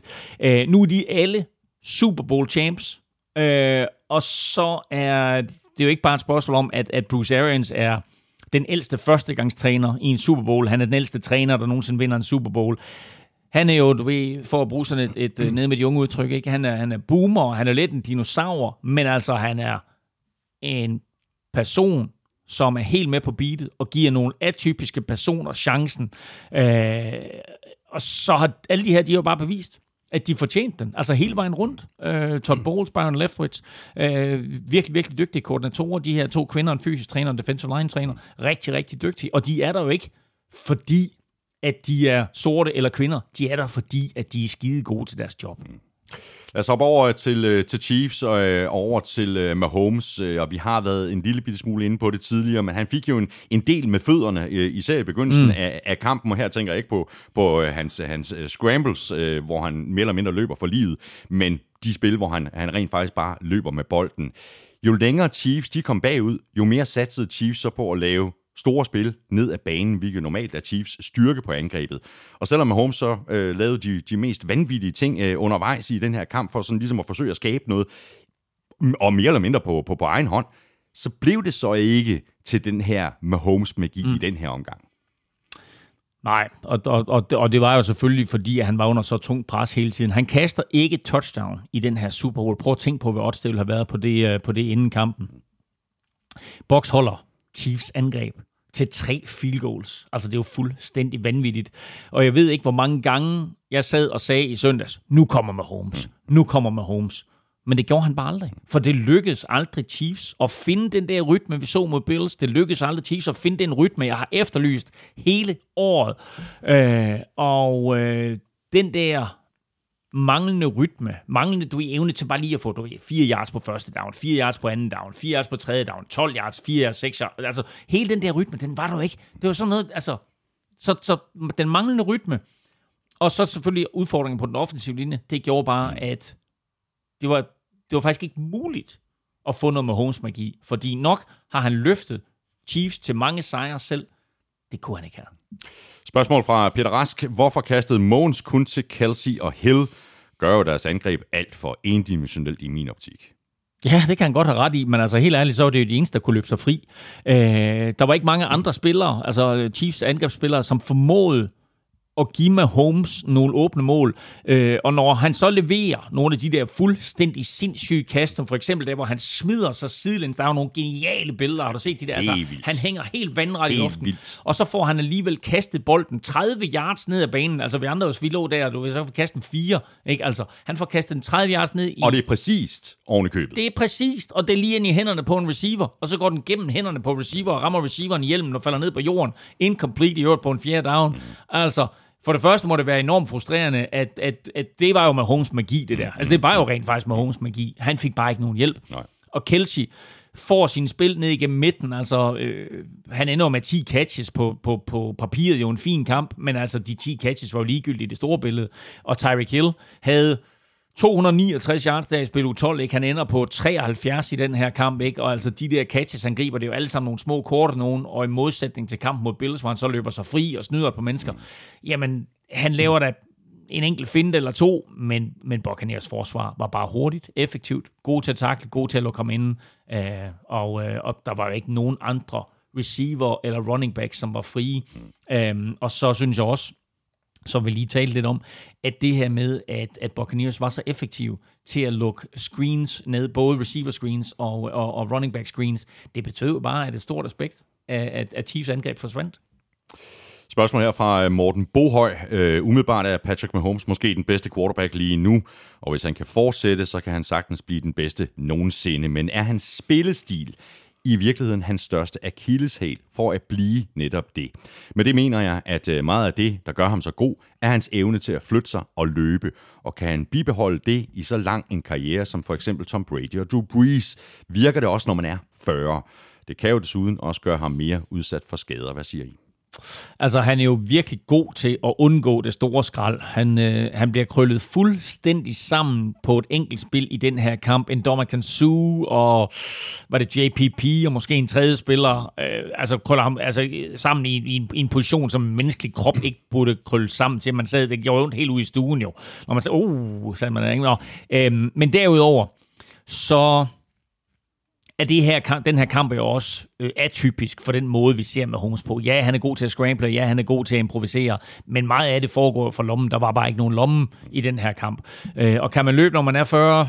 Det er ikke alle, der kan det. Det kommer an på, hvor mange skrald du tager. Men i og med, at han ikke tager så frygtelig mange skrald, så er der en vis sandsynlighed for, at han kan få en, en lang karriere. Men det er klart, at, at han skal passe på sig selv. Øh, her var der ikke andet at gøre end at bare løbe for livet, og så forsøge at improvisere. Øhm, men altså, du kan jo sammenligne for eksempel med en, med, en, med en Big Ben, ikke? Altså, han spiller stadig på et højt niveau, og da han var yngre, der var hans spil det var også at, at, at løbe rundt, og ikke at løbe rundt, men bare at købe sig lidt ekstra tid øh, og improvisere lidt. Øh, og og det, er, det er noget af det, som, som Mahomes er god til også, men Mahomes har altså andre kvaliteter, som, som Big Ben aldrig har haft. Indspark fra øh, Claus Friis. Øh, Måns kommer ikke til at holde længe, hvis den O-line skal beskytte ham. Øh, bør Chiefs satse lidt mere på backups til den offensive linje, og bør Chiefs begynde at designe nogle andre spil for at holde ham frisk. Jeg ved godt, det er hans improvisation, der gør ham god. Ja, men altså, det er jo enormt svært at erstatte øh, tre topstarter på den offensive linje. Øh, bare prøv at se på, på Cowboys, ikke? Altså, så og miste Derek Fisher i FC-finalen, det var jo en Altså, vi talte selvfølgelig om, at det var en katastrofe, men det var måske faktisk en langt større katastrofe, end vi havde forestillet os. Øh, og, og selvom vi jo var fuldt øh, øh opmærksomme om, omkring, øh, eller på den der udfordring, som det nu skabte, øh, og at, at, øh, at, at Chiefs også var fuldt opmærksom på, på den udfordring, det skabte ved, at de skulle bruge Mike, Mike Remmers og, og Andrew Wiley på de to tackles, så blev de jo bare fuldstændig overmatchet. Og så synes jeg også, at der var for mange plays i kampen, som, øh, som ikke tog højde for, at Mahomes ikke havde 3-4 sekunder til at kaste. Øh, men på den anden side, så havde Boxer styr på næsten alt, hvad, hvad Chiefs de kom ud med. Så, så jeg tror faktisk, at at Erik Bieniemy måske nok har, har gravet dybt i, i playbooken og set, er der et eller andet her, vi kan finde frem, som fungerer for os. Men, øh, men, men det var der altså ikke. Øh, med hensyn til den offensive linje, bare lige for at runde det kort af. Øh, altså, med en Eric Fisher tilbage, med en Milton Schwartz tilbage, med en øh, Duvernay Tardif tilbage der. Altså, det, det er tre starter trods alt, ikke? Og som jeg sagde i starten af udsendelsen, den eneste spiller på den her linje, der spillede sin normale position i Super Bowl, det var deres center. Ja. Mads Samer skriver til os, øh, nu må det vel være slået fast med syv tommer søm, at øh, på nuværende tidspunkt, så er Brady the GOAT. Og Mahomes er ikke nogen ung ged eller en ny ged endnu. Nej, men det her, det var, jeg tror, det var en rigtig, rigtig vigtig sejr for Brady. Øh, også bare for at, at statuere et eksempel omkring, at, at han er fuldstændig unik. Øh, den måde, han agerer på i ugerne op til kampen, de interviews, der er med ham, den måde, han spiller på i kampen, den måde, han går ud og leverer i første halvleg. Han kaster han, han scorer også sit første touchdown. Det er den 10. Super Bowl, han spiller i. Mm. Og det er første gang nogensinde, at han scorer touchdown i første kvartal. Ja, det er crazy. Ikke? Altså, det tænker man ikke over, men det er det. Det er første gang nogensinde. Og, og det, det er ligesom om, at da, da det først sker, så er vi godt klar over, at det her, det er... Det, det, det, det er anderledes Brady. Det, er, det, er, der, der, der, er noget, der er noget, altså nu taler vi om Mahomes magi, der er noget Brady-magi på vej her. Mm. Øh, og han spiller jo som sagt en, en fin første halvleg, altså rigtig god første halvleg, og behøver ikke at gøre så meget væsen af sig i anden halvleg, men hele den måde, det sådan, at han bare er øh, i ugerne op til, er i Super Bowl og agerer bagefter. Det er bare klasse hele vejen rundt. Og i vores øh, optagsudsendelse i sidste uge, der talte vi selvfølgelig øh, meget om Brady mod Mahomes. Nu står der så 7-1 til Brady i Super Bowl sejre. Og det her øh, nederlag til Chiefs, det smider også sådan lige lidt grus i maskineriet i forhold til, om Chiefs i de kommende mange år kunne gå hen og blive det nye Patriots. Det gør det i hvert fald ikke nemmere for Mahomes at hente Brady, men, men prøv at tænke på, hvad Mahomes han har været igennem i sine første tre år som starter. Ikke? Altså, han taber en shootout af en AFC-finale til, til Tom Brady der for to år siden, så vinder han Super Bowl sidste år, og så taber han Super Bowl i år. Alt sammen i sine første tre år. Ikke? Altså, han har jo al den erfaring lige nu, som man kan ønske sig hvis man vil bygge et, øh, et, et dynasti op med en uh, franchise quarterback. Altså, der er jo andre quarterbacks, hvor det vil tage... Ja, der er andre quarterbacks, der aldrig når det her, ikke? Og, og for mange andre quarterbacks, der vil det tage uh, 8, 10, 12 år at nå til det punkt her, ikke? Det har taget ham. Han har været i NFL i fire, ikke? Og han har været starter i tre. Uh, det er altså imponerende. Ja, det er im- imponerende. imponerende, hvad han har opnået. Men en lille ting vil jeg fremhæve. Og det er en god gammel arbejdssang. Ja, lad os få den. Money, money, money. Oh, fordi der. Tom Brady har aldrig taget de dollars, han kunne tage. Måske fordi han har haft en rig kone og ikke har haft behov for dem. Måske fordi det er sådan, at han godt har forstået, hvordan hele lønloftssystemet hænger sammen. Og det betyder, at, at Patriots i mange år var i stand til at hive bedre spillere ind, både på den defensive side og på den offensive side, fordi de ikke skulle bruge alle pengene på deres quarterback. Mm. Det samme nu her i Buccaneers. Der har også været råd til at have nogle dygtige spillere inden, så fordi Brady ikke skulle have 35 eller 40 millioner. Mahomes går ud her i den forgangne sæson, og så skriver han en kontrakt til en halv milliard dollars, så bliver den bedst betalte atlet nogensinde i NFL. Hvor efterlader det Chiefs med hensyn til lønloft og så videre. Ikke i nær samme situation som det Patriots-dynasti, vi har været vidne til i 20 år, og det Buccaneers-dynasti, der startede i søndag. Mm. Og det er jo et, øh, det er meget sjovt, du nævner det her med, med, med Brady's approach til løn øh, i hele sin tid i, i New England.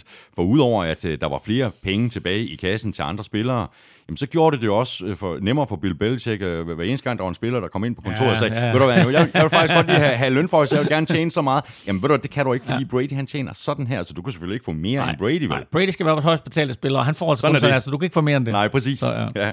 Uh, spørgsmål her fra Andreas Svane Jørgensen. Øh, Chiefs har tidligere haft en aura omkring sig, at de nærmest var usårlige. En mental fordel op til diverse kampe, lidt som Tiger Woods i storhedstiden, hvor modstanderne næsten ikke turde gå efter at vinde. Når de nu tabte til boks på den måde, blev den aura så brudt, og lugter de andre AFC-hold blod? Ja, både og jo, fordi øh, nu er der ikke mange mandskaber i NFL, der har forsvaret til at stoppe med Holmes på den måde, vi så her. Og øh, en frisk offensiv linje gør også underværker for dem. Øh, men, øh, men vi så Raiders slå dem. Vi så Chargers tage dem til overtime i Justin Herberts. Var det ikke nærmest Justin Herberts første kamp? Mm. Overhovedet ikke. Altså, øh, og vi så Falcons være Falcons og, og smide en sikker sejr.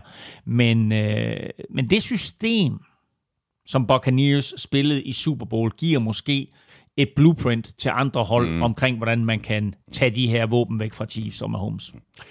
Har vi et par spørgsmål omkring uh, Andy Reid. Uh, første spørgsmål kommer fra William Rasmussen. Hvor placerer dette nederlag Andy Reid henne? Endnu et Super Bowl nederlag, med, men endnu en fantastisk sæson. Og hvordan tror I, sagen om Britt Reed har påvirket ham disse dage? Endnu en forfærdelig historie med en af hans sønner involveret. Og Henrik Løndal skriver, Chiefs lignede til tider et hold, der rent faktisk øh, var mentalt påvirket af at have deres øh, head coach søn involveret i trafikuheld på en baggrund, hvor han var påvirket af alkohol. Det er spekulativt og hypotetisk, men hvordan ser I på det?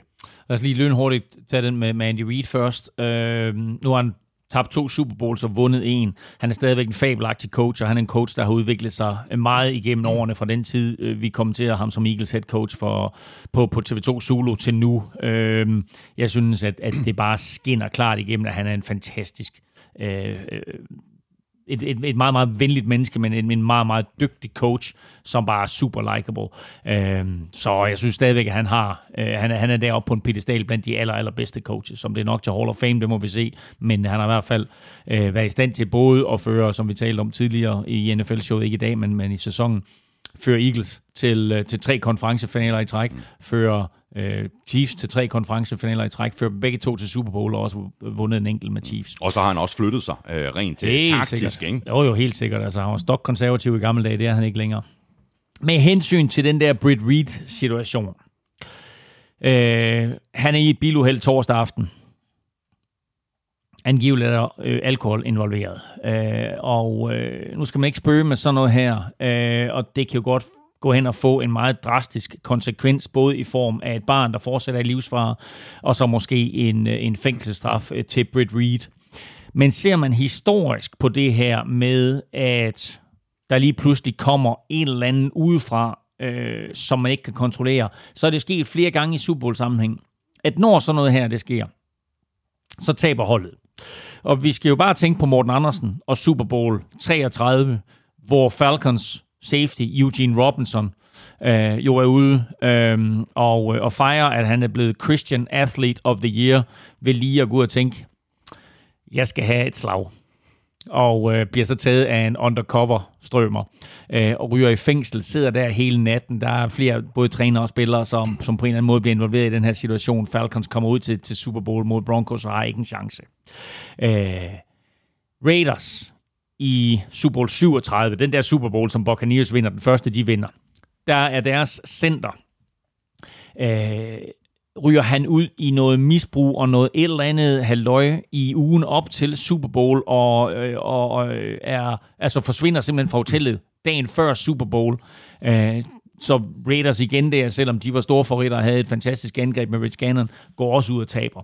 Og der er faktisk flere andre situationer sådan i Super Bowl-historien, hvor det her med et eller andet form for, for uheld, eller et eller andet utilsigtet, der sker, får en stor mental betydning for holdet. Spørgsmål om noget helt andet. Det kommer fra Anders Kort, der kort og godt øh, spørger, øh, hvor blandt Brady's syv Super Bowl sejre rangeres denne sejr? Det ved jeg ikke, men jeg ved, at den Super Bowl sejr, Tom Brady er gladest for, det er Den han lige har vundet. Eller den, den næste. the next one. the next one. Ej, ja, men jeg tror, at den her den betyder ekstremt meget Det for tror Brady. jeg også, det tror jeg også. Men det er klart, ja, fordi altså, det her det er den største sejr, for det første. Ikke? Altså, det har altid været sådan noget med 3-4-5 point, øh, og så den der overtidskamp mod Falcons, som, som han har vundet eller tabt med. Øhm, og, og, og det tror jeg betyder noget for ham. Det hænger selvfølgelig sammen med forsvaret, altså fuldstændig vanvittig præstation. Men altså, han er 43 år gammel, og han vinder stadigvæk. Altså, han har vundet tre, tre Super Bowls, efter han er blevet 40. Ja, det er crazy. Ikke? Altså, det er helt vanvittigt, ikke? Altså, så... Øh, det er, det jeg så, sådan, jeg så en, en, sådan en, en ret sjov grafik med 20'erne. Tre vundne Super Bowls. Nej, hvordan var det? 20'erne? Jo, tre vundne Super Bowls. 30'erne spillet i tre vundet en, var det sådan noget lignende. Og så 40'erne spillet i... Ej, han må- han må have været i tre Super Bowls i 40'erne, ikke? Og vundet de to, ikke? Ja, han, ja, han, ja. Øh, han, han, han vandt over Falcons, tabte til Eagles. Nej, nej, nej, for han har også slået Rams jo. Det er rigtigt. Ikke? Så ja, ja, ja. Det er- så, det er crazy. Ja. Peter Bank øh, Pedersen øh, skriver, Tom Brady er MVP, og selvfølgelig The GOAT, ikke på grund af spillet hele sæsonen, men på grund af det, han gør ved et omklædningsrum. Hvor er det vildt at se lige hans passion og dedikation. Hvor længe bliver han ved, og hvad kan han lave efterfølgende, der opfylder hans åbenlyse afhængighed af fodbold. Og Christian Mortensen er inde på noget af det samme. Han skriver sådan her, med flere Super Bowl sejre end noget NFL-franchise. Kunne det er også vildt. Kunne man så forestille sig Brady gå trænervejen, og måske nuppe et par stykker mere, eller skal han nyde tilværelsen som celebrity, altså når han en dag er færdig som quarterback? Jamen altså, vi talte om det i starten, at øh, han havde i ugens løb meldt ud, at, at han var klar til at fortsætte, og da han står der på podiet efter Super Bowl, og han øh, er omgivet af sine tre børn, øh, jeg, er ikke sikker, jeg er ikke sikker på, at Giselle var der, men de tre børn var der i hvert fald, så står han med øh, Super Bowl-trofæet i den ene hånd, og han står med MVP-trofæet i den anden hånd, og så spørger øh, intervieweren eller kommentatoren, så spørger han jo så, you're coming back, og så siger han, we are coming back. Og hvad der helt præcis ligger i we, om han der mener familien, eller han mener ham og Gronk, eller hvad han mener, det ved jeg ikke. Men altså, det var i hvert fald, han, han statuerede lige der, at hey, I kan godt forvente mig at se mig til næste år. Og han har jo sagt, at han vil spille til han er 45, og han er jo trods alt kun i godsøjne Ja, 43. 44 i år, altså 43 Ja, nu, ja. bliver 44 til august. Så hvis han vil spille, når han er 45, så inkluderer det jo altså også øh, 2022. Så øh, vi kan se øh, Buccaneers vinde tre Super Bowls i træk som, øh, som, som, som det første hold. Med hensyn til det der med at være træner, lad ham nu lige blive færdig med at spille først. Ja. Og når han så er færdig, så har han trods alt øh, et, et, familieliv og masser af andre muligheder i livet. Hvad, hvad ved jeg, altså med, med, med skuespillere eller ja. med... Øh, Alle, alle døre åbne. Der er intet, der er umuligt for Tom Brady. Og så har han øvrigt jo fuld opbakning. Det er jo helt, helt tydeligt øh, fra, fra sin familie, både fra sine øh, forældre og fra Giselle. Jeg ved ikke, om du så Giselles øh, tweet. Altså, det var jo øh, Bradys kampråb. Let's go! Mm, mm. Ikke? Og det tweetede hun. Ja, Ikke? ja. Altså, øh, så, så det er ikke Brady, der kører det her show alene. Der er fuld opbakning hjemmefra. Og Øh, øh, med hensyn til tweets, så lad mig lige bringe to tweets på banen, som New England Patriots sendte ud. Fordi det ene, det var, øh, altså begge to var høj, høj klasse. Det ene, det var bare congratulations to the greatest of all time mm. øh, fra, fra Patriots officielle Somi-team der. Og den anden var super sjov, fordi da Rams, eller da Patriots besejrer Rams, Øh, der trækker Gronk sig tilbage, men før han trækker sig tilbage, der er der sådan en video fremme om, at, det sådan, at, øh, at, at holdet de står sådan og spiller lidt baseball, hvor Gronk jo så bruger Vince Lombardi-trofæet som baseballbat og rammer bolden og laver en bule i Vince Lombardi-trofæet. Så Patriots Somi Team, de, de skrev lige, congratulations Gronkowski, be careful with that trophy. Lad os øh, runde Super Bowl af med et øh, spørgsmål, øh, der handler om øh, det, vi i virkeligheden øh, begyndte med at tale om, nemlig Buccaneers forsvar. Øh, Mikkel Nielsen skriver til os, hvor mange spillere fra det her boks forsvar står Buccaneers til at miste efter denne sæson. Kan de bare holde nogenlunde sammen på det, så ser det jo skræmmende ud. Ja, og, og altså, nu igen, nu, jeg nævnte lige før det her med, med, med, med penge, og at Brady han ikke tager så mange øh, dollars, som han måske kunne, og det betyder, at, at Buccaneers jo har lidt mere at rute med. Og så skal vi også tænke på, tænk på alle de år, hvor vi så Patriots være i stand til at tiltrække spillere, der havde lyst til at komme op og være en del af magien, fordi de var godt klar over, at hvis de kommer dertil, så var der en vis sandsynlighed, at de kunne få en ring. Selvfølgelig var det kombinationen af Bill Belichick og Tom Brady. Men vi hørte i sidste uge, at Matthew Stafford sagde, jeg vil til 30 andre klubber end Detroit, jeg vil bare ikke til New England. Jeg tror ikke, der er en spiller i NFL lige nu, der ikke har lyst til at komme til Tampa Bay. Jeg tror, du er fuldstændig ret. Så den der Brady-magi der, den er der. Øh, en enorm tiltrækningskraft. Så der er en masse spillere, som er på det frie marked, der har lyst til at komme ned og, og, og, og være der. Plus, at alle de spillere, der har været en del af det her Buccaneers-mandskab, har oplevet det faktum, at de vinder kampe lige pludselig, som de måske tabte før i tiden, har oplevet det faktum, at de nu står med en stor fed Super Bowl-ring på hånden, og har oplevet Tom Brady i et omklædningsrum, præcis som Mike Evans sagde, og mange andre siger, prøv at høre, det er bare en, en, ikke bare en spiller, det er en person, der giver os rigtig, rigtig meget. Det betyder, tror jeg, at der er nogle af de her spillere, som må være på det mandskab i år, der er villige til at tage mindre Ja, i løn, Ja. end de kunne andre steder. Ja. Så lad os gennemgå dem, som er de største stjerner, og som er vigtige for, for det her mandskab at beholde. Shaq Barrett får en løn lige nu på 16 millioner dollars. Uh, han kunne godt blive. Lavonte David er faktisk billig i drift. Han får kun 10 millioner dollars. Han skal ud og have meget mere. Så spørgsmålet er, om Buccaneers kan gøre noget for at beholde ham. Endommer Kansu er faktisk også billig i drift, 8 millioner dollars, øh, men forventer nok også at få kassen.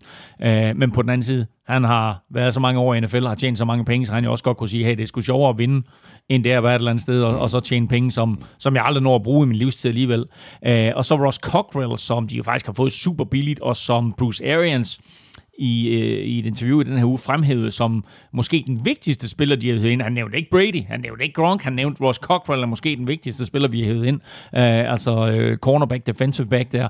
Uh, ham har de altså fået for en, for en million dollars, ikke? Altså, så, øh, så han skal også have en ny kontrakt. Men, men det her, det er alt sammen free agent. Så er der en Steve McClendon, som, som jo blev skadet i løbet af sæsonen, og, øh, og hvad hedder det, øh, selvfølgelig har en rolle på det her hold her, men er også free agent. Øh, og kigger vi lige på angrebssiden, så er Gronkowski, Øh, han havde kun, kun en etårig kontrakt. Leonard Fournette havde kun en etårig kontrakt, og Antonio Brown havde kun en etårig kontrakt. Kommer de tilbage? Altså Gronk og Antonio Brown elsker at være sammen med Brady. Ja, ja. Leonard Fournette, han finder der ikke noget bedre sted at spille. Og så er der Chris Godwin.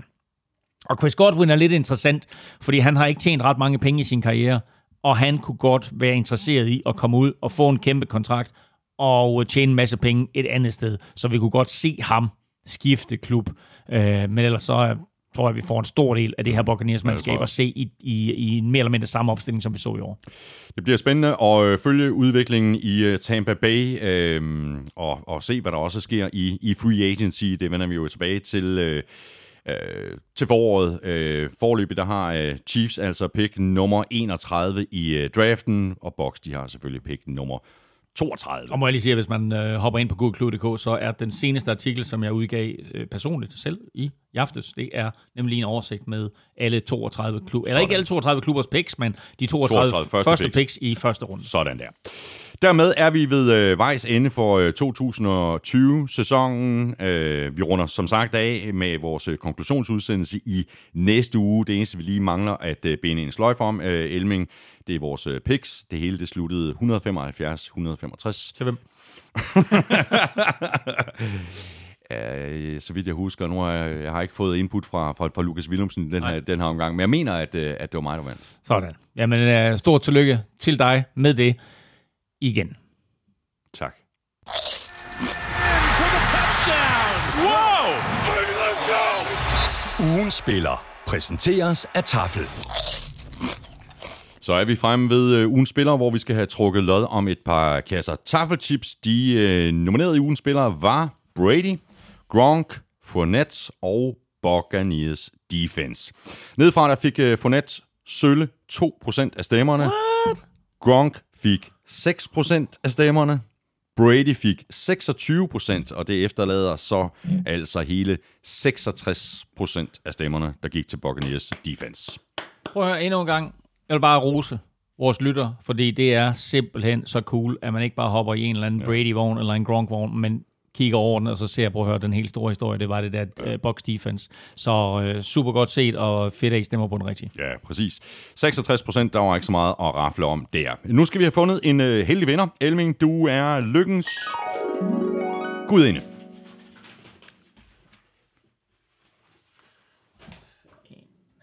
Jeg to op.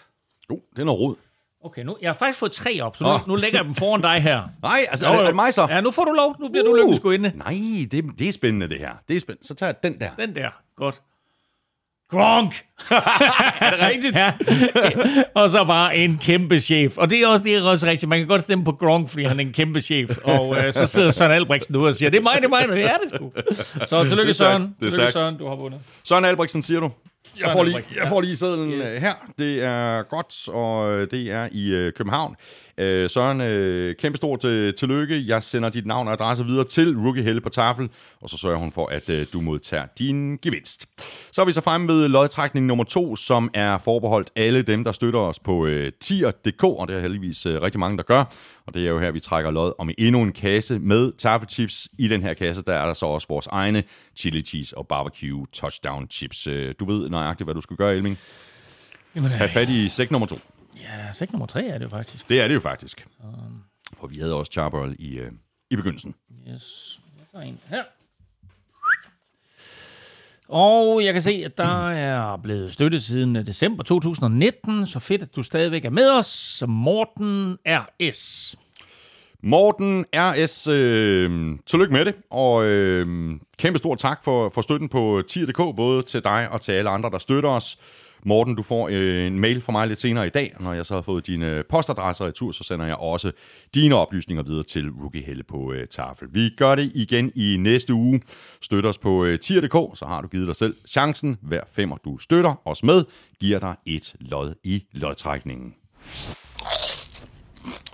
Nå, Elming, som vi var inde på øh, ganske kort i begyndelsen af udsendelsen, så øh, går der jo rygter om, at øh, Carson Wentz måske er på vej væk fra Eagles.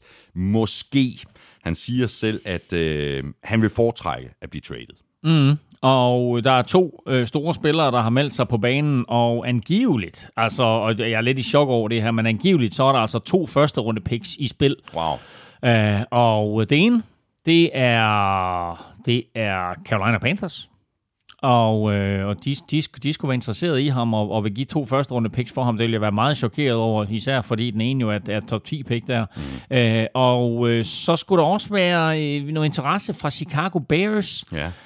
Og det interessante der, det er, at hvis det kommer til at øh, gå i hak, så ryger Nick Foles formodentlig den anden vej.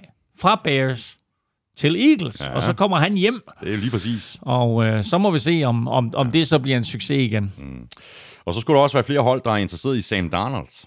Ja, den er, den er spændende, og der vil jeg næsten sige, at der kan, det, det kan du jo få lov til at uddybe. Ja, det altså 49ers, så vi, vi nævnte jo øh, for adskillige måneder Ja, siden. det er ikke engang løgn. ikke? at Sam Darnold måske kunne være et øh, bud på at, at, at lande i San Francisco. Og det her med deres nye øh, head coach, mm. Robert Sala, som jo kommer øh, fra 49ers mm. som øh, defensiv øh, koordinator, Ja. Ja, det gør jo måske ikke det scenarie mindre sandsynligt, fordi at øh, man kan sige, at øh, de der forsyningslinjer, de der kommunikationslinjer, ja. de er vidt åbne, ikke? Relationerne er der i hvert fald, ja. og der er ikke nogen tvivl om, at, at Robert Sala og Kyle Shanahan har haft et fantastisk samarbejde, og stadigvæk er gode venner.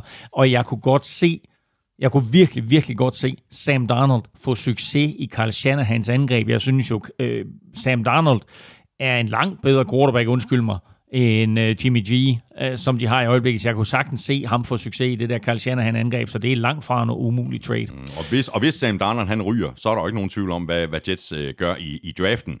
Det må vi gå ud fra, altså. Fordi det har vi jo også talt om Ja, det ja. her. Altså, vil de holde fast i Sam Darnold, jamen, så kunne de jo gå. Ja. hvilken vej det skulle være Ja. i draften. Ja. Men hvis de skiller sig af med Sam Darnold, så er det jo et, et, et tegn på, at så skal de i hvert fald have fundet en ny quarterback. Ja. Og det kunne meget vel ske i draften. Men så er spørgsmålet, hvilken quarterback bliver det? Mm. Fordi som det så ud i lang tid, så blev det Justin Fields, men nu kan det altså blive alle mulige andre. Mm. Så det bliver, det bliver rigtig interessant. Der er en fyr, der hedder Zach Wilson, og der er Mac Jones, og der er øh, Kyle Trask og så videre. Øh, og øh, altså... Det, øh, det, det, det behøver ikke nødvendigvis lige at gå, som, som præsten prædiker i det her tilfælde. Nej.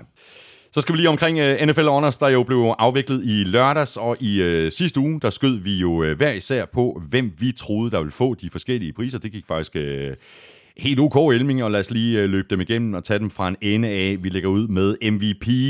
Det gik fuldstændig ligesom både vi og de fleste andre havde regnet med. Det blev helt fortjent. Aaron Rodgers. Ja, altså den sæson, han havde, øh, det var jo faktisk måske hans bedste sæson overhovedet, og øh, han var bedre end Patrick Mahomes, og han var bedre end Josh Allen. Uh, han var bare i en liga helt for sig i lang tid i, i, i den her sæson det udmyndte sig ikke i en plads i Super Bowl, men han blev altså kåret til MVP, den tredje øh, i hans karriere, og dermed så altså et meget, meget fornemt selskab. Ja, øh, sammen med Tom Brady, Brett Favre, øh, Johnny Unitas, Jim Brown øh, har også alle fået MVP-hederen øh, tre gange. Præcis, og United og Jim Brown var altså før, der var noget, der hed øh, Super Bowl. Mm. Og så Peyton Manning har fået øh, prisen fem gange. Wow, ja. han har fået den fem gange? Fem gange. Holy crap. Ja. Offensive Player of the Year gik øh, til Derrick Henry, og det var både din og min øh, favorit til at få den hedder, øh, også helt fortjent. Bestemt, altså øh, der, der er så mange øh, om, om budet, men altså når du har en 2.000 yards sæson som running back, øh, så skal du næsten vinde øh, Offensive Player of the Year, og det er bare fedt, synes jeg, at, øh, at det ikke gik til en quarterback. Øh, jeg kunne godt tænke mig, at NFL jo faktisk lavede en ekstra kategori, ja. der hed øh, Offensive Player of the Year, som ikke er quarterback. Nu var der ikke behov for det i år, fortjent, sig, eller fortjent øh, hvad hedder det, øh, at Derrick Henry han tog den. Ja. I forhold til uh, Defensive Player of the Year, der havde vi uh, flere kandidater i sidste uge. Vi nævnte TJ Watt, øh, uh, Savian Howard uh, bragte jeg også på banen som, som en mulig kandidat. Vi havde begge to Aaron Donald som, som favorit, og så om han ikke også vandt. Ja, det er måske den eneste af de her priser, hvor det sådan, jeg godt kan stille mig lidt i tvivl om, om det var det rigtige valg. Altså selvfølgelig er Aaron Donald en helt igennem unik spiller. Altså vi er jo derude, at det, sådan, det måske faktisk er den bedste spiller bedste forsvarsspiller, der nogensinde har været i NFL. Det er vanvittigt at sige, og det er også svært at sammenligne på tværs af generationer, men der er jo bare ikke nogen, der er så markant bedre på sin position end alle andre. Men den sæson, som TJ Watt havde, var altså også ret fænomenal. Ført ligaen i sacks, ført ligaen i quarterback pressures med langt, langt flere end alle andre. Og hvis man ikke kan vinde Defensive Player of the Year, med den sæson, som TJ Watt han havde, så er det altså svært at, at fravriste mm. Aaron Donald den titel. Offensive Rookie of the Year blev øh, også som ventet Justin Herbert. Vi nævnte også øh, Justin Jefferson som en, øh, som en mulig kandidat. Snob. ja, Justin, Justin Herbert vinder øh, på baggrund af, at han selvfølgelig er quarterback. Justin Jefferson, øh, han fik alle stemmerne undtagen, jeg tror seks stemmer, som Justin ja. Jefferson fik. Og det betyder så for eksempel også, at der ikke var nogen stemmer på en fyr som Tristan Wirfs, selvom øh, jeg synes, at han havde fortjent i hvert fald at blive anerkendt for sin indsats. Ja. Og så blev det Chase Young, der blev uh, Defensive Rookie of the Year. Heller ikke det helt store chok. Uh, du nævnte også uh, Antoine Winfield Jr. som en mulig kandidat. Ja, altså igen, altså prøv Antoine Winfield Jr., han har en interception i, i Super Bowl, ikke? Altså, og meget afgørende øh, i, i slutspillet i det hele taget, selvom han jo sidder uden en enkelt kamp, øh, og har haft en fænomenal øh, rookie-sæson, øh, og øh, uanset om man kan lide det eller ej, så kunne jeg godt lide, lide at han lige stak to fingre op i snotten mm. på, på Tyreek Hill. Lille hævn for spil u 12. Øh, men, øh, men, men det blev selvfølgelig Chase Young.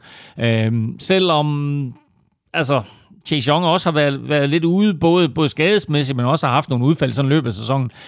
Men altså, han var, han var vild, ikke? Altså, øh, at forestille sig, at, at øh, først så kommer Nick Bosa ind, Præcis, og, og, så, sige det. og, så, samme skole. og så Chase Young, ikke? Begge ja. to fra Ohio State der, ikke? Altså, forestil dig at have været quarterback og have mødt dem i college for to år siden. Det har ikke været sjovt. Nej, det har det ikke. Comeback Player of the Year blev selvfølgelig Alex Smith. Aldrig har det været mere fortjent. Nej, men det er fuldstændig vanvittigt. Der er en eller anden enkelt idiot af dem, der skal stemme, som giver Ben Roethlisberger en stemme, så ja, det kun bliver 49-1. Jamen, det er komplet ikke, altså, åndssvagt. Hvad er det for... Så jeg skal lige statuere et eksempel. Bøh, bøh. Ikke altså. Ja. Rand mig. Ja, rand også mig. Godt. Coach of the Year. Coach of the Year blev, øh, som vi også talte om, som, som en af vores øh, absolute favoritter, Kevin Stefanski, der har fået øh, styr på tingene i Cleveland. Ja, altså han, han fik øh, flest stemmer af alle, og øh, fik flere stemmer end Sean McDermott og Brian Flores og så videre, og øh, øh, man kunne vel sagtens også... Altså, havde man nu haft Super Bowl at gøre godt med, så kunne man jo godt have valgt Bruce Arians, mm. for eksempel, mm. som, som Coach of the Year. Og der er også en, øh, en uh, pris, der hedder Assistant Coach of the Year, som jo gik til Buffalo Bills, Brian Dable. Ja. Kunne det ikke godt have været Todd det Bowles? Det kunne sagtens have været Todd Bowles. Og det var jo også det, som valget var faldet på, hvis Super Bowl havde talt med, eller hvis slutspillet havde talt med Præcis. i det hele taget. I sidste uge, der talte vi også øh, Hall of Fame, øh, Elming. Øh, her blev sløret sløret så også løftet ved showet i lørdags for, hvem de nye navne i Hall of Fame i Canton, Ohio er og vi kan lige løbe dem igennem. Alle var jo 100% sikre på, at Peyton Manning ville komme ind i første hug, og det gjorde han så også. Og derudover så skal der nu laves byster af Charles Woodson, Calvin Johnson, John Lynch, Alan Faneca, Tom Flores, Bill Nunn og Drew Pearson. Ja, og de tre sidstnævnte var i den her legende-kategori, øh, som øh, er øh, spillere, trænere eller bidragsydere, som på en eller anden måde er blevet forbigået, og det var meget, meget fint, at de tre kom ind.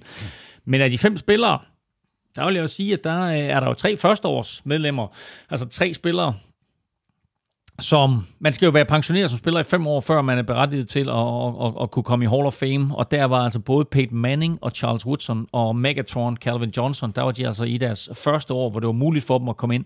Øh, og det kom de alle tre. Øh, jo sjovt at tænke på, at Heisman Trophy, øh, trofæet i 1998 må det have været, stod mellem øh, Peyton Manning, Randy Moss, Ryan Leaf og Charles Woodson. Mm. Og det var Charles Woodson, der blev øh, Heisman Trophy det år. Nu kom de altså begge to sammen i Hall of Fame samme år. Så John Lynch selvfølgelig langt om længe kommer han ind. Jeg tror, det var 6. gang eller noget i den retning, at, at han havde muligheden for at komme ind. Han bliver valgt ind. Og så synes jeg, det var rigtig sjovt at se Alan Faneca. Ja. Jeg Fordi- troede, han ville være kommet ind sidste år. Jamen, jamen jeg, jeg snakker ikke om det faktum, han kommer ind. Jeg snakker om at se ham, for han var til stede til Super Bowl, og jeg ser sådan en høj, tynd fyr, mm. og jeg tænker, for jeg har ikke lige set, hvem det var, jeg har ikke lige set, hvad vi var i gang med, jeg ser sådan en høj, tynd fyr, jeg tænker, hvem er det der? Og så genkender jeg ansigtet, og tænker, hold kæft, mand. Det er Alan Faneca, der lige har smidt 50 kilo. Exactly. Ikke? Altså, og nogle gange så glemmer man lidt, hvor høje de her offensive linemen er, fordi de næsten er lige så brede, som de er høje, og så, og så er det hele det på en eller anden måde bare sådan sat godt sammen. Men når man så ser sådan en spiller der som Alan Faneca, der lige pludselig øh, mere ligner sådan en, en, øh, en, en lang receiver, end han ligner en offensive lineman, så ser man altså, hvilken højde øh, der er på sådan en, en mand her. Med fedt at se Alan Faneca i Hall of Fame også. Øh, og ekstremt øh, sympatisk øh, person. Det har han alle dage været. Ja. Og var helt rolig og afbalanceret, ja. da han fik at vide, at han var kommet ind i Hall of Fame. Ja, Ja, rigtig, rigtig godt lide ja. Vanica. Lige om lidt, øh, Elming, der skal vi have nogle øh, rigtige svar, øh, forhåbentlig da i quizzer, men øh, allerførst, der skal vi lige et øh, smut i køkkenet. Og øh, Elming, Ej, legendarisk melodi. det er det tv-køkkenet, ikke? Fra dengang, hvor vi var små. Ja, jeg har snydt lidt. ja, præcis. Vi talte jo lidt, eller det gjorde jeg, øh, talte lidt om øh, Hello Fresh i begyndelsen af udsendelsen, og, og, og jeg ved, at du er nogenlunde øh, lige så begejstret for det her måltidskasse-koncept, som jeg er, fordi det er også, man kan heller ikke være andet, det er jo genialt. Ja, jeg fik min første måltidskasse ind ad døren i sidste uge. Det er simpelthen forrygende. Altså nogle super lækre retter, super nemme at gå til. Og øh, jeg har allerede øh, brugt øh, råvarer, som jeg aldrig... Jeg har aldrig brugt kohlrabi, for eksempel. Nej, men, men, det, men det smager rigtig godt. Men det brugte jeg i en ret, og det smagte, det smagte skide godt. Ja, præcis. Fruen og jeg, vi har fået øh, fem måltider i to uger i, i, i træk nu, og det, du er også inde på det, Elming. altså det her, man, man, øh, man kommer til at lave noget mad, som man ellers ikke selv ville finde på. Præcis. Og det er pisse smart, ikke? Fordi du skal heller ikke ud og handle, du skal ikke bruge tid på at jagte tilbud, og, og alt sådan noget. Det hele, det kommer bare i en kasse. Køleelementer, bum, helt friske råvarer. Super, super genialt det der med, at du får en pose, hvor så er alt det til den enkelte ret, det er i den der pose der. Og så er der farvekoder på. Og så skal du bare... Og, ved du, og så en ting, som, som jeg har fundet ud af, det du hælder bare lige alle de der øh, ingredienser ud på bordet og så videre, og så legner du dem op, så du skal bruges. Og den pose, de så kommer i, det bruger du bare til skrald, ikke? Så er der ryddet op bagefter også. Ja. præcis. Helt genialt. Og alt det, alt det du sidder, det der med farvekoden, det ved jeg, du også, du, du er også tosset med det. Jamen, jeg er farveblind. Det, det, det, det, det, det, det, er gået helt galt med de retter der. det er også, men kun rød og grøn farveblind. men du bare fuldstændig jeg, farveblind. jamen, det var fordi, jeg var meget, meget overrasket over, at du skulle, der skulle laks i sådan en, en rød chicken curry. Åh oh, ja, godt. Jamen, der er jo faktisk øh, flere forskellige muligheder derinde. Øh, Fruen og jeg, vi har valgt den, øh, den klassiske. Jeg ved ikke, hvad, hvad, hvad for en har du valgt? Øh, jeg tror faktisk også, jeg har valgt den klassiske. Ja, man kan også vælge familievenligt, man kan Ja. vælge øh, vegetarisk, og så kan man vælge Ja. noget, der hedder hurtigt. Det er, det er ellers øh, svært at, at, Ja, ja, lige- at, at, at ja. forestille sig noget, der er mere hurtigt, fordi jeg tror, den, den opskrift, vi har brugt, den, den, der har taget længst tid, har taget 35 minutter. Ja, men øh, alligevel tror jeg måske valgt hurtigt, netop fordi det er, sådan, det er så lidt, lidt vigtigt for mig, at, at, det ikke skal tager- gå hurtigt. At, ja, det ikke tager alt for lang tid. Mm. Og så kan man faktisk vælge, om man vil have øh, kasser til øh, to eller fire personer. Og hvis du ikke har prøvet Hello Fresh før, så kan du altså få øh, op til 725 kroner i rabat på dine første fire måltidskasser, hvor der altså er fem måltider i hver kasse. Og det kan du, hvis du går ind på hellofresh.dk og bruger koden HELLONFL. Og det er Hello og NFL med store bogstaver.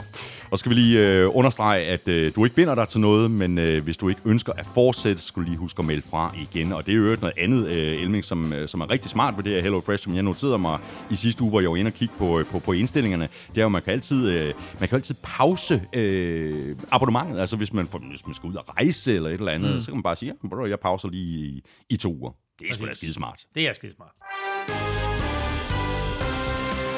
Vi skal have quizzen. Åh, Det er tid til quiz. Quiz, quiz, quiz, quiz. Oh, jeg har ikke fået tænkt, jeg har ikke fået tænkt overhovedet over det der. Jeg kan, jeg, jeg kan kun en, jeg kan to, men altså... Altså, skal vi lige gentage spørgsmålet? Ja, det, jamen, jeg tror, at det ikke dig først. Gronk, er det mig, der skal tage først? Ja, det plejer Jamen, det er være. godt. Jamen, det er godt. Nå, ja. jamen uh, mit spørgsmål var til dig. Uh, Tom Brady vandt i år. Patrick Mahomes vandt sidste år. Men hvilken spiller har stået lidt i skyggen af de to og vandt begge år? Og grunden til, at øh, jeg blev så glad for det spørgsmål, det er ja. Fordi, at øh, ham, jeg sad og så øh, Super Bowl med, mm.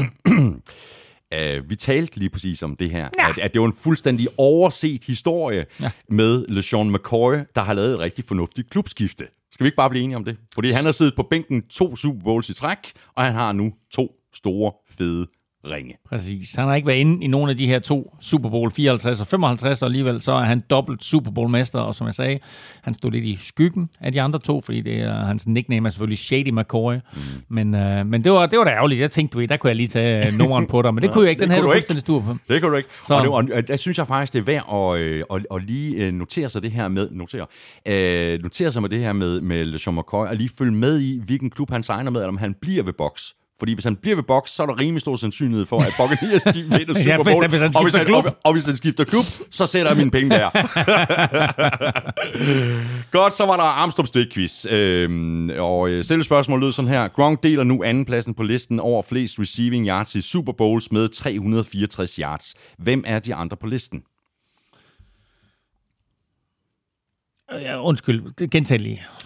Gronk mm. deler nu andenpladsen mm. på listen over flest receiving yards i Super Bowls mm. med 364 yards. Ja. Hvem er de andre på listen? Ja, altså Jerry Rice være etter. Yes, med 589 yards. Klar etter. Godt. Så er der Gronk, Og han er på andenpladsen med 364 yards, og det er der så en anden spiller, der også har.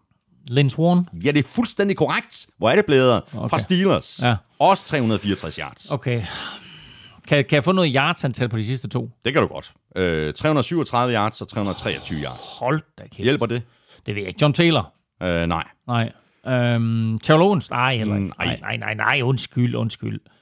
Bare fordi jeg tænkte, han både havde spillet for Fort Niners og Eagles, men det gjorde han. han var Men øh, hvis du husker tilbage øh, til øh, den klub, som øh, god gamle John Brady han spillede for, øh, før han Mm. var øh, i Tampa Bay. ja, Julian Edelman. Ja, det er fuldstændig korrekt. Okay, ja, det er klart. 337 ja, yards. selvfølgelig, selvfølgelig var han på listen. Mm. Godt. Og så øh, har vi et hold, der har gjort det rigtig, rigtig godt øh, i år. Ja. men som også havde en periode øh, tidligere, Ja. hvor de var i Super Bowl øh, mm. fire år i træk. Nå, ja, godt så.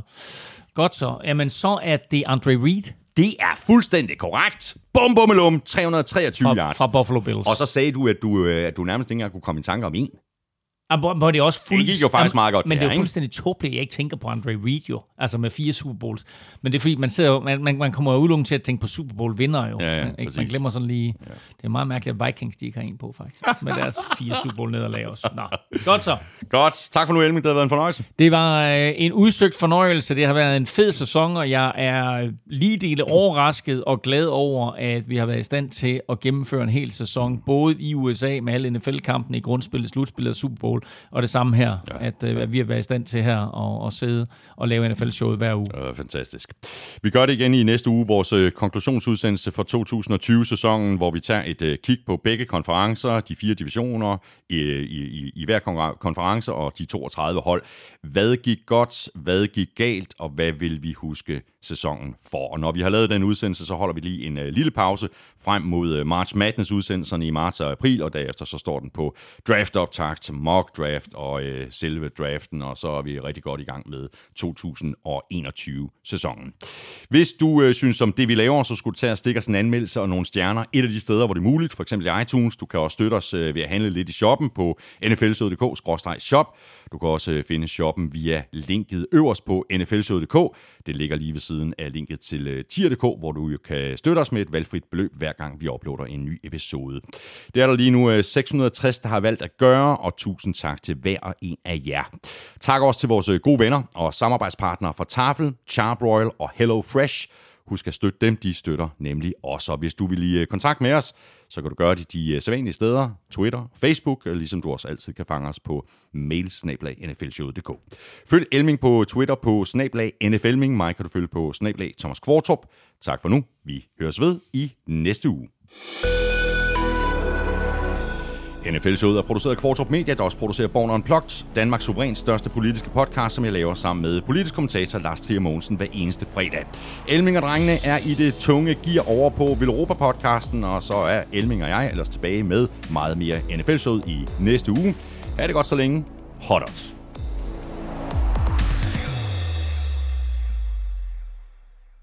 Bucks defense var jo den store historie i den her Super Bowl, og øh, vi kan jo ikke tage en spiller og sige, at han skal være MVP. Men kigger vi over de sidste tre slutspilskampe for Buccaneers, så må vi bare sige, at andenårsspilleren Devin White har været helt forrygende. I de tre kampe, der har han lavet 38 taklinger, han har fået fat i to fumbles, og så har han lavet en interception på både Mahomes og Drew Brees, begge to tidligere Super Bowl MVP's. Devin White, han går en meget lys fremtid i møde.